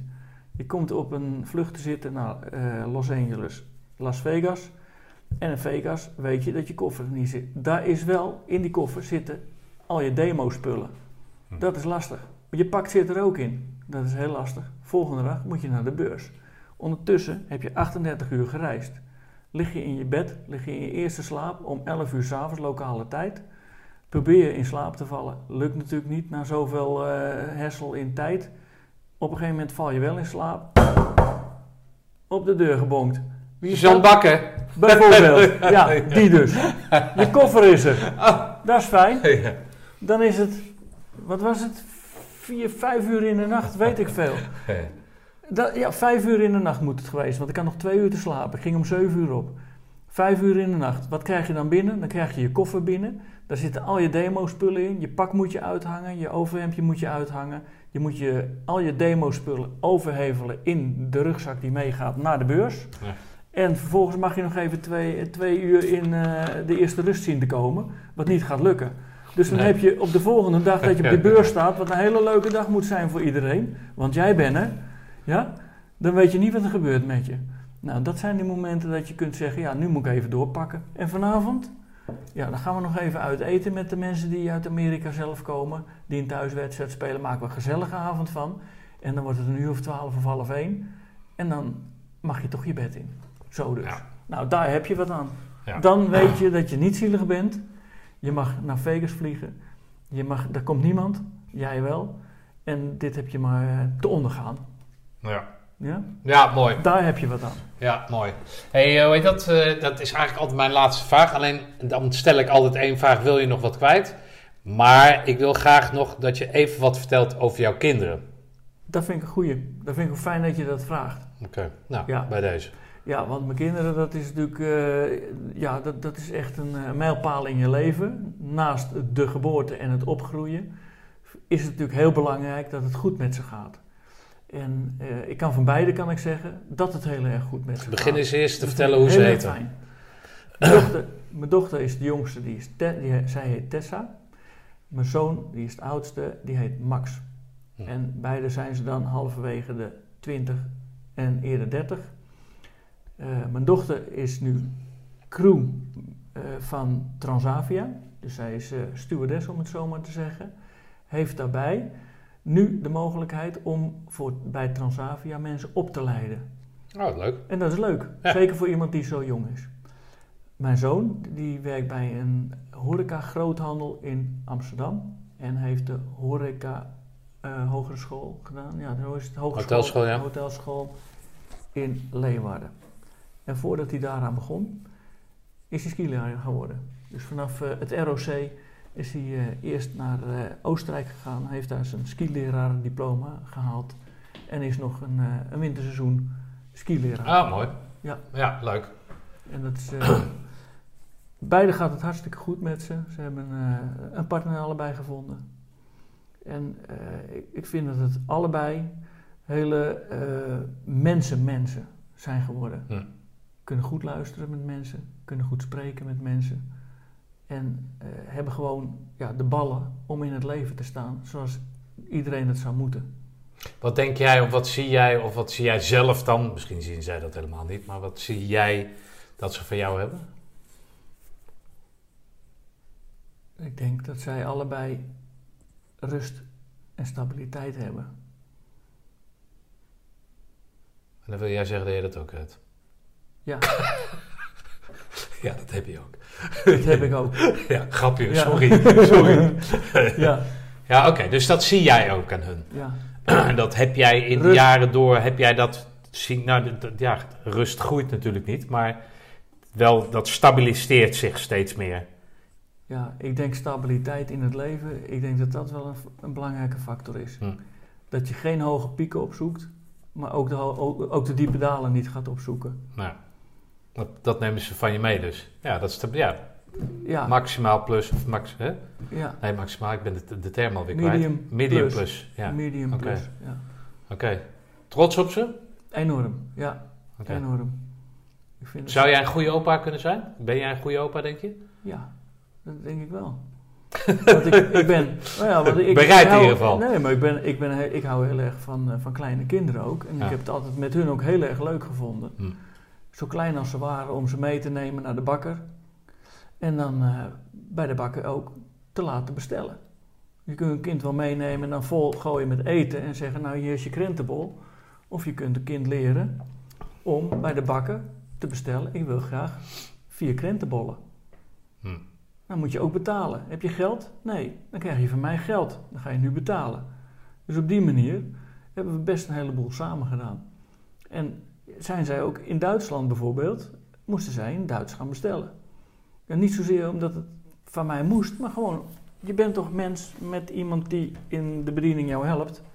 Nou, bestel dan gewoon. Hm. Cola bieten. Heel goed. Nou, als je dat van jongs af aan zo leert, dan krijg je daar eh, enorm eh, vriendelijke en begripvolle kinderen van. Ja, mooi. En dat zijn ze zeker. Hm. Ja. Heb ik nog wat, ben ik nog wat vergeten te vragen wat je graag kwijt wil? Nee, ik vind, ik vind dat we heel erg compleet zijn. Ja, ik had je ook- verteld dat we, dat zeker die oudere generatie moet, altijd moet uitleggen dat er niks meer bijgeplakt kan worden. Dus dit is nu je kans. Hè, Sven? Dit is het moment. dit is het moment. Ja. Ben je bang trouwens voor het, om oud te worden of niet? Helemaal niet, want ik Nee? ben al oud aan het worden. Nee, ik ook. Ik, maar ik, zie het, ik zie het alleen maar als een enorme uitdaging om de nee, maar komende als jij jaren zegt te doen. wat- wat- 95, kan. ik moet niet denken aan 95 hoor, dat, dat ik 95 word. Het zal vast goed omlijst zijn qua verzorging en, en dat soort zaken. Of dat hoop ik dan in ieder geval. Misschien de medicijnen, maar ga, ik piep er toch wel liever iets eerder uit hoor. Als je dat zo om me heen ziet. Nee, ik laat, ik, laat er geen, eh, ik laat er geen tijd aan liggen. Eh, belangrijk vind ik wel dat je eh, mobiel en geestelijk eh, goed blijft. En het- ik heb het idee dat je het voor een heel groot deel met geluk van gezondheid ook kan beïnvloeden. Want stilzitten is natuurlijk geen optie. Nou, Dus dat je daarmee probeert het zo lang mogelijk te sturen. En als je nu kijkt naar de groep mensen waarin we die commando-wandelingen doen. Daar hebben we het ook nog niet over gehad trouwens. ja, daar, wil je het niet over hebben. daar wilde jij het niet over hebben. Jawel hoor. Er ik moest wil- eerst een vergadering komen zijn. Nee, dat, dat was een ander ding. Maar eh, Ja. dat, dat de command, bij de commando-wandelingen, daar zie je eh, mensen van 80 plus, zie Ja. je gewoon 30 kilometer wandelen. En ja, even om het verhaal vol hoort- te maken. Wat ik weet als leek hè, van, van die Commando Wandelstichting, is dat die is opgeheven. Waarom weet ik niet, maar het zal het dalende eh, animo zijn geweest, denk ik. Commando Wandelstichting, dat Nee, eruit is gegaan. Nee, dat weet ik. Waarom weet ik ook niet. Ah, oké. Misschien heeft het met eh, decentraal aansturen te maken of met subsidie. Of, Nou, moet ik- moet ik naar informeren. Maar daar zijn twee wandelingen eh, uit voort, voortgekomen, of in ieder geval gebleven. ja. De befaamde eh, Jan-Willem Pettermars in, rondom Maren. Hè? En de, eh, de overste, hoe heet die ook weer? Van Woerdenmars. De Van Boerdenmars inderdaad. In Roosendaal. In Roosendaal. Die hebben jou verzocht om nou, iets te gaan doen. Jij hebt gezegd van nou, ik eh, heb eh, wat, wat meer tijd krijg ik vanwege mijn leeftijd en weet ik wat. Dus daar ga jij het een en ander in doen. Nou heb je aangegeven, hè, nu dat heb je zeker extra vormgegeven door te vertellen over de, de, de plaatsgenoot die, eh, hè, of de Amerongen, Ja. in het dorp hier verderop, waarmee je dan eh, de 83, 85, weet waarmee je naar de reunie gaat. Dus jij laat daarmee blijken dat je daarmee mee hebt. Maar die, die marsen die worden vaak bevolkt, of zijn vaak bevolkt door wat oudere lichtingen. Die nu vanwege corona en vanwege hun leeftijd aan het afvallen zijn. En de, daar zit een beetje, qua animo zit er een beetje een dipje in. Ja, dat, eh, dat valt te bezien. We hebben nu na de corona hebben de eerste, eh, de eerste wandeling gedaan eh, van Woerdenmars. Daar waren rond de 50 mensen, net onder de 50 mensen. En dat was in het verleden waren dat er 80, 90.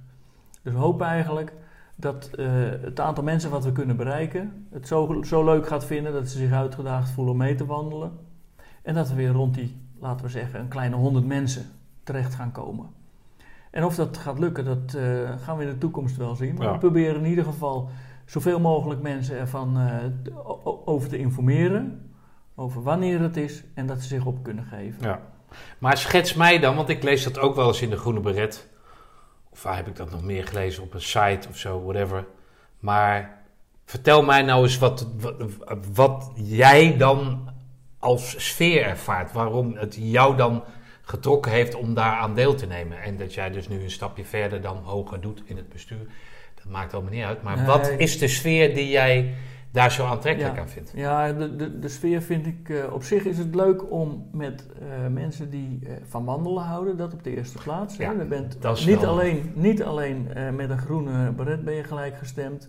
Deze mensen zijn gewend om te wandelen, want anders ga je geen 30 kilometer wandelen. Je krijgt een programma aangeboden waarop je in de ochtend verzamelt, ergens, kopje koffie. Dan zie je mensen die je daarvoor ook al eens hebt gezien van wandelen, naarmate je vaker komt. Of helemaal En- niet. Of helemaal niet, totaal nieuw. Ja. Ook prima. En als je het leuk vindt, kun je tegen die mensen praten en kun je iets van ze te weten komen. Als je niet wil, dan ga je lekker zitten en dan ga je wachten totdat er gewandeld wordt. Ja. Wordt er gewandeld, krijg je halverwege nog een kopje, kopje, kopje koffie. En dan ga je richting de lunch ergens gezamenlijk lunchen. En onderweg, dan wisselt de samenstelling regelmatig. Omdat je, je loopt een beetje naast elkaar, je loopt achter elkaar. loop je in één keer naast iemand anders. En dan ga je mee praten als je wil. Ja, dan kom je toch iets te horen van iemand anders zijn leven. En er zit altijd wel een verhaal achter. Zeker Ja. als het mensen zijn die 70 plus zijn. Die kunnen over het algemeen goed vertellen wat ze hebben meegemaakt. En dat vind ik interessant. Vind ik Ja. echt leuk. En, en je kunt, Ja, ik- je kunt ik- wel ik- lachen ook hoor, onderweg met mensen. Want ja, je, mag ook alles zeggen tenslotte tegen elkaar. Ja.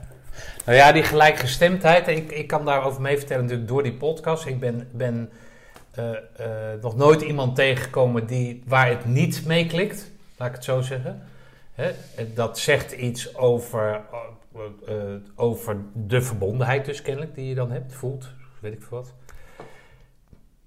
En als je dat dus dat de, over zo'n tocht heen eh, eh, legt, zeg maar dat concept, hè, dat dat dus altijd klikt, en je kan daar ook nog in de buitenlucht bij bewegen, met gelijkgestemden, moet dus niet alleen, maar is de, dan is de doelgroep niet alleen 60 plus, hè, maar ja, gewoon een dagje door de bossen heen lopen Ja, met gelijkgestemden, kan ook als je 35 bent. dat klopt. Toch? Nee, dat klopt. Dat klopt. Ja. Eh, iedereen kun je daarvoor uitnodigen. Ja. Eh, ik kwam van de week nog kwam ik iets tegen over de luchtmobiele eenheid. En dacht ik, ja, bij deze wandeling kunnen commando's, mensen die bij het KCT hebben gewerkt, eh, in ieder geval zes maanden, of eh, mariniers, ook Belgische commando's kunnen meelopen. En terwijl ik dat zo, nee, luchtmobiel, die zouden daar natuurlijk ook aansluiting uit kunnen, aan kunnen vinden. Het is een mooie wandeling, het is 30 kilometer, is uitdagend genoeg. Ja. En je loopt met gelijkgestemden. Ja. Daar heb je helemaal gelijk in.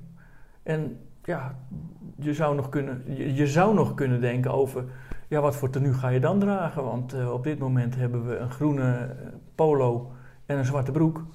Eh, misschien willen we wel dat iedereen zijn militaire onderdeel gaat uitdragen. Want een Belg heeft tenslotte ook een andere kleur beret. Ja. Volgens mij is dat rood. Ja, of helemaal niks. Ja, uniformiteit in, in, in, unif of, hè, uni- tenue. uniformiteit. In tenue, oh ja, dat was het. Ja, dat wordt Is, voorgeschreven. ja, dat is natuurlijk Ja. mooi, maar als dat niet zo is en je bent gewoon... Het is eigenlijk net als een... eh, zoals gisteren zag ik dan zo, of hoorde ik vooral, zo'n groep motorrijders voorbij komen. Ik denk dat dat er wel 120 waren. Weet je wel? Maar die komen achter elkaar. Maar dat zijn niet allemaal dezelfde motoren. Maar dat geeft toch iets... Ik vond het een beetje onheilspellend. Ook al... Ja. Maar aan de andere kant is het ook weer een groep... Maar allemaal maar verschillende motoren. Maar het is toch een groep. Want toen op een gegeven moment kregen ze bij ons dan koefering. Echt 120 motoren, weet je wel. Het was het, allemaal mensen, foto's maken, er langs lopen. En, het is, maar het is dan toch een groep, terwijl het toch allemaal individuen zijn. Ja, toch? Dus Ja. dat eh, het is een beetje een vage vergelijking. Maar nee, wat zou het, ik zou het leuk vinden als, als jij dan, zeg maar, dit, hè, of jij dit kan promoten. Om dan wat jongere kerels eh, richting, eh, richting die mars te krijgen. Wanneer is de eerstvolgende? De eerstvolgende is 14 oktober. Dat is die Jan-Willem Pettermars, hè? de- ja, die is altijd in oktober. Ja, want dan starten jullie in. De start is in Maren, Ja. 14 oktober. En het eindigt ook weer in Maren. Maar we doen ook nog een bezoek aan het eh, kasteel van Maarsbergen. Ja, en wat, wat is daar aan de hand? Ja, in, bij Maarsbergen, daar is het graf van Jan-Willem Petten. En Ah, dat, dat is is voormalige familie. En daar brengen we ook nog een, eh, een groet, een eregroet. Wat op zich, als je al jaren in de burgermaatschappij eh, leeft en werkt en woont, is dat ook wel weer grappig om Ja. te doen. Ja, en dat is op het natuurlijk landgoed? Een serieuze, heeft u wel een serieuze achtergrond. Het is op het landgoed van de familie, de schoonfamilie van die, eh, van die Van Jan-Willem Jan-Willem Petter. Dat En zijn correct. toenmalige vrouw, die toen zwanger was, volgens mij, van hun dochter, die hij dus nog nooit heeft gekend, die ontvangt jullie dan. Ja. Ja, dat is toch prachtig. Ja. Een prachtig verhaal. Ja. En gaan jullie ook niet bij de marinierskazerne langs? Ja, bij de marinierskazerne werd in het verleden altijd de lunch gebruikt. Oh, nu niet meer. Nou, in, ik weet niet of dat nu nog zo is. Oh, oké. Eh, de laatste lunchgebruik op eh, de Van Woerdenmars, wat normaal gesproken op de kazerne zou zijn, Ja. van het Korps Commandotroep in Roosendaal, dat heeft een andere locatie gekregen. Ah, oké. Ja, goed, die Daar- zijn aan het verbouwen en eh, moeilijke dingen, dus dat, dat kan me voorstellen. Defensie heeft gekozen om daar geen support aan te geven. Oké. Vanwege nou ja, de veranderende situatie in de wereld, laat maar zo maar netjes Ja, zeggen. oké. Ja. Nou, mooi man. Hebben we dat ook gepromoot? Heel goed, Ehm, nou, vond het een leuke avond. ik ook. Nou, dat was hem dan weer. Sven, je hebt me aan het denken gezet. Ik wens jullie veel avontuur, geluk, gezondheid en liefde toe.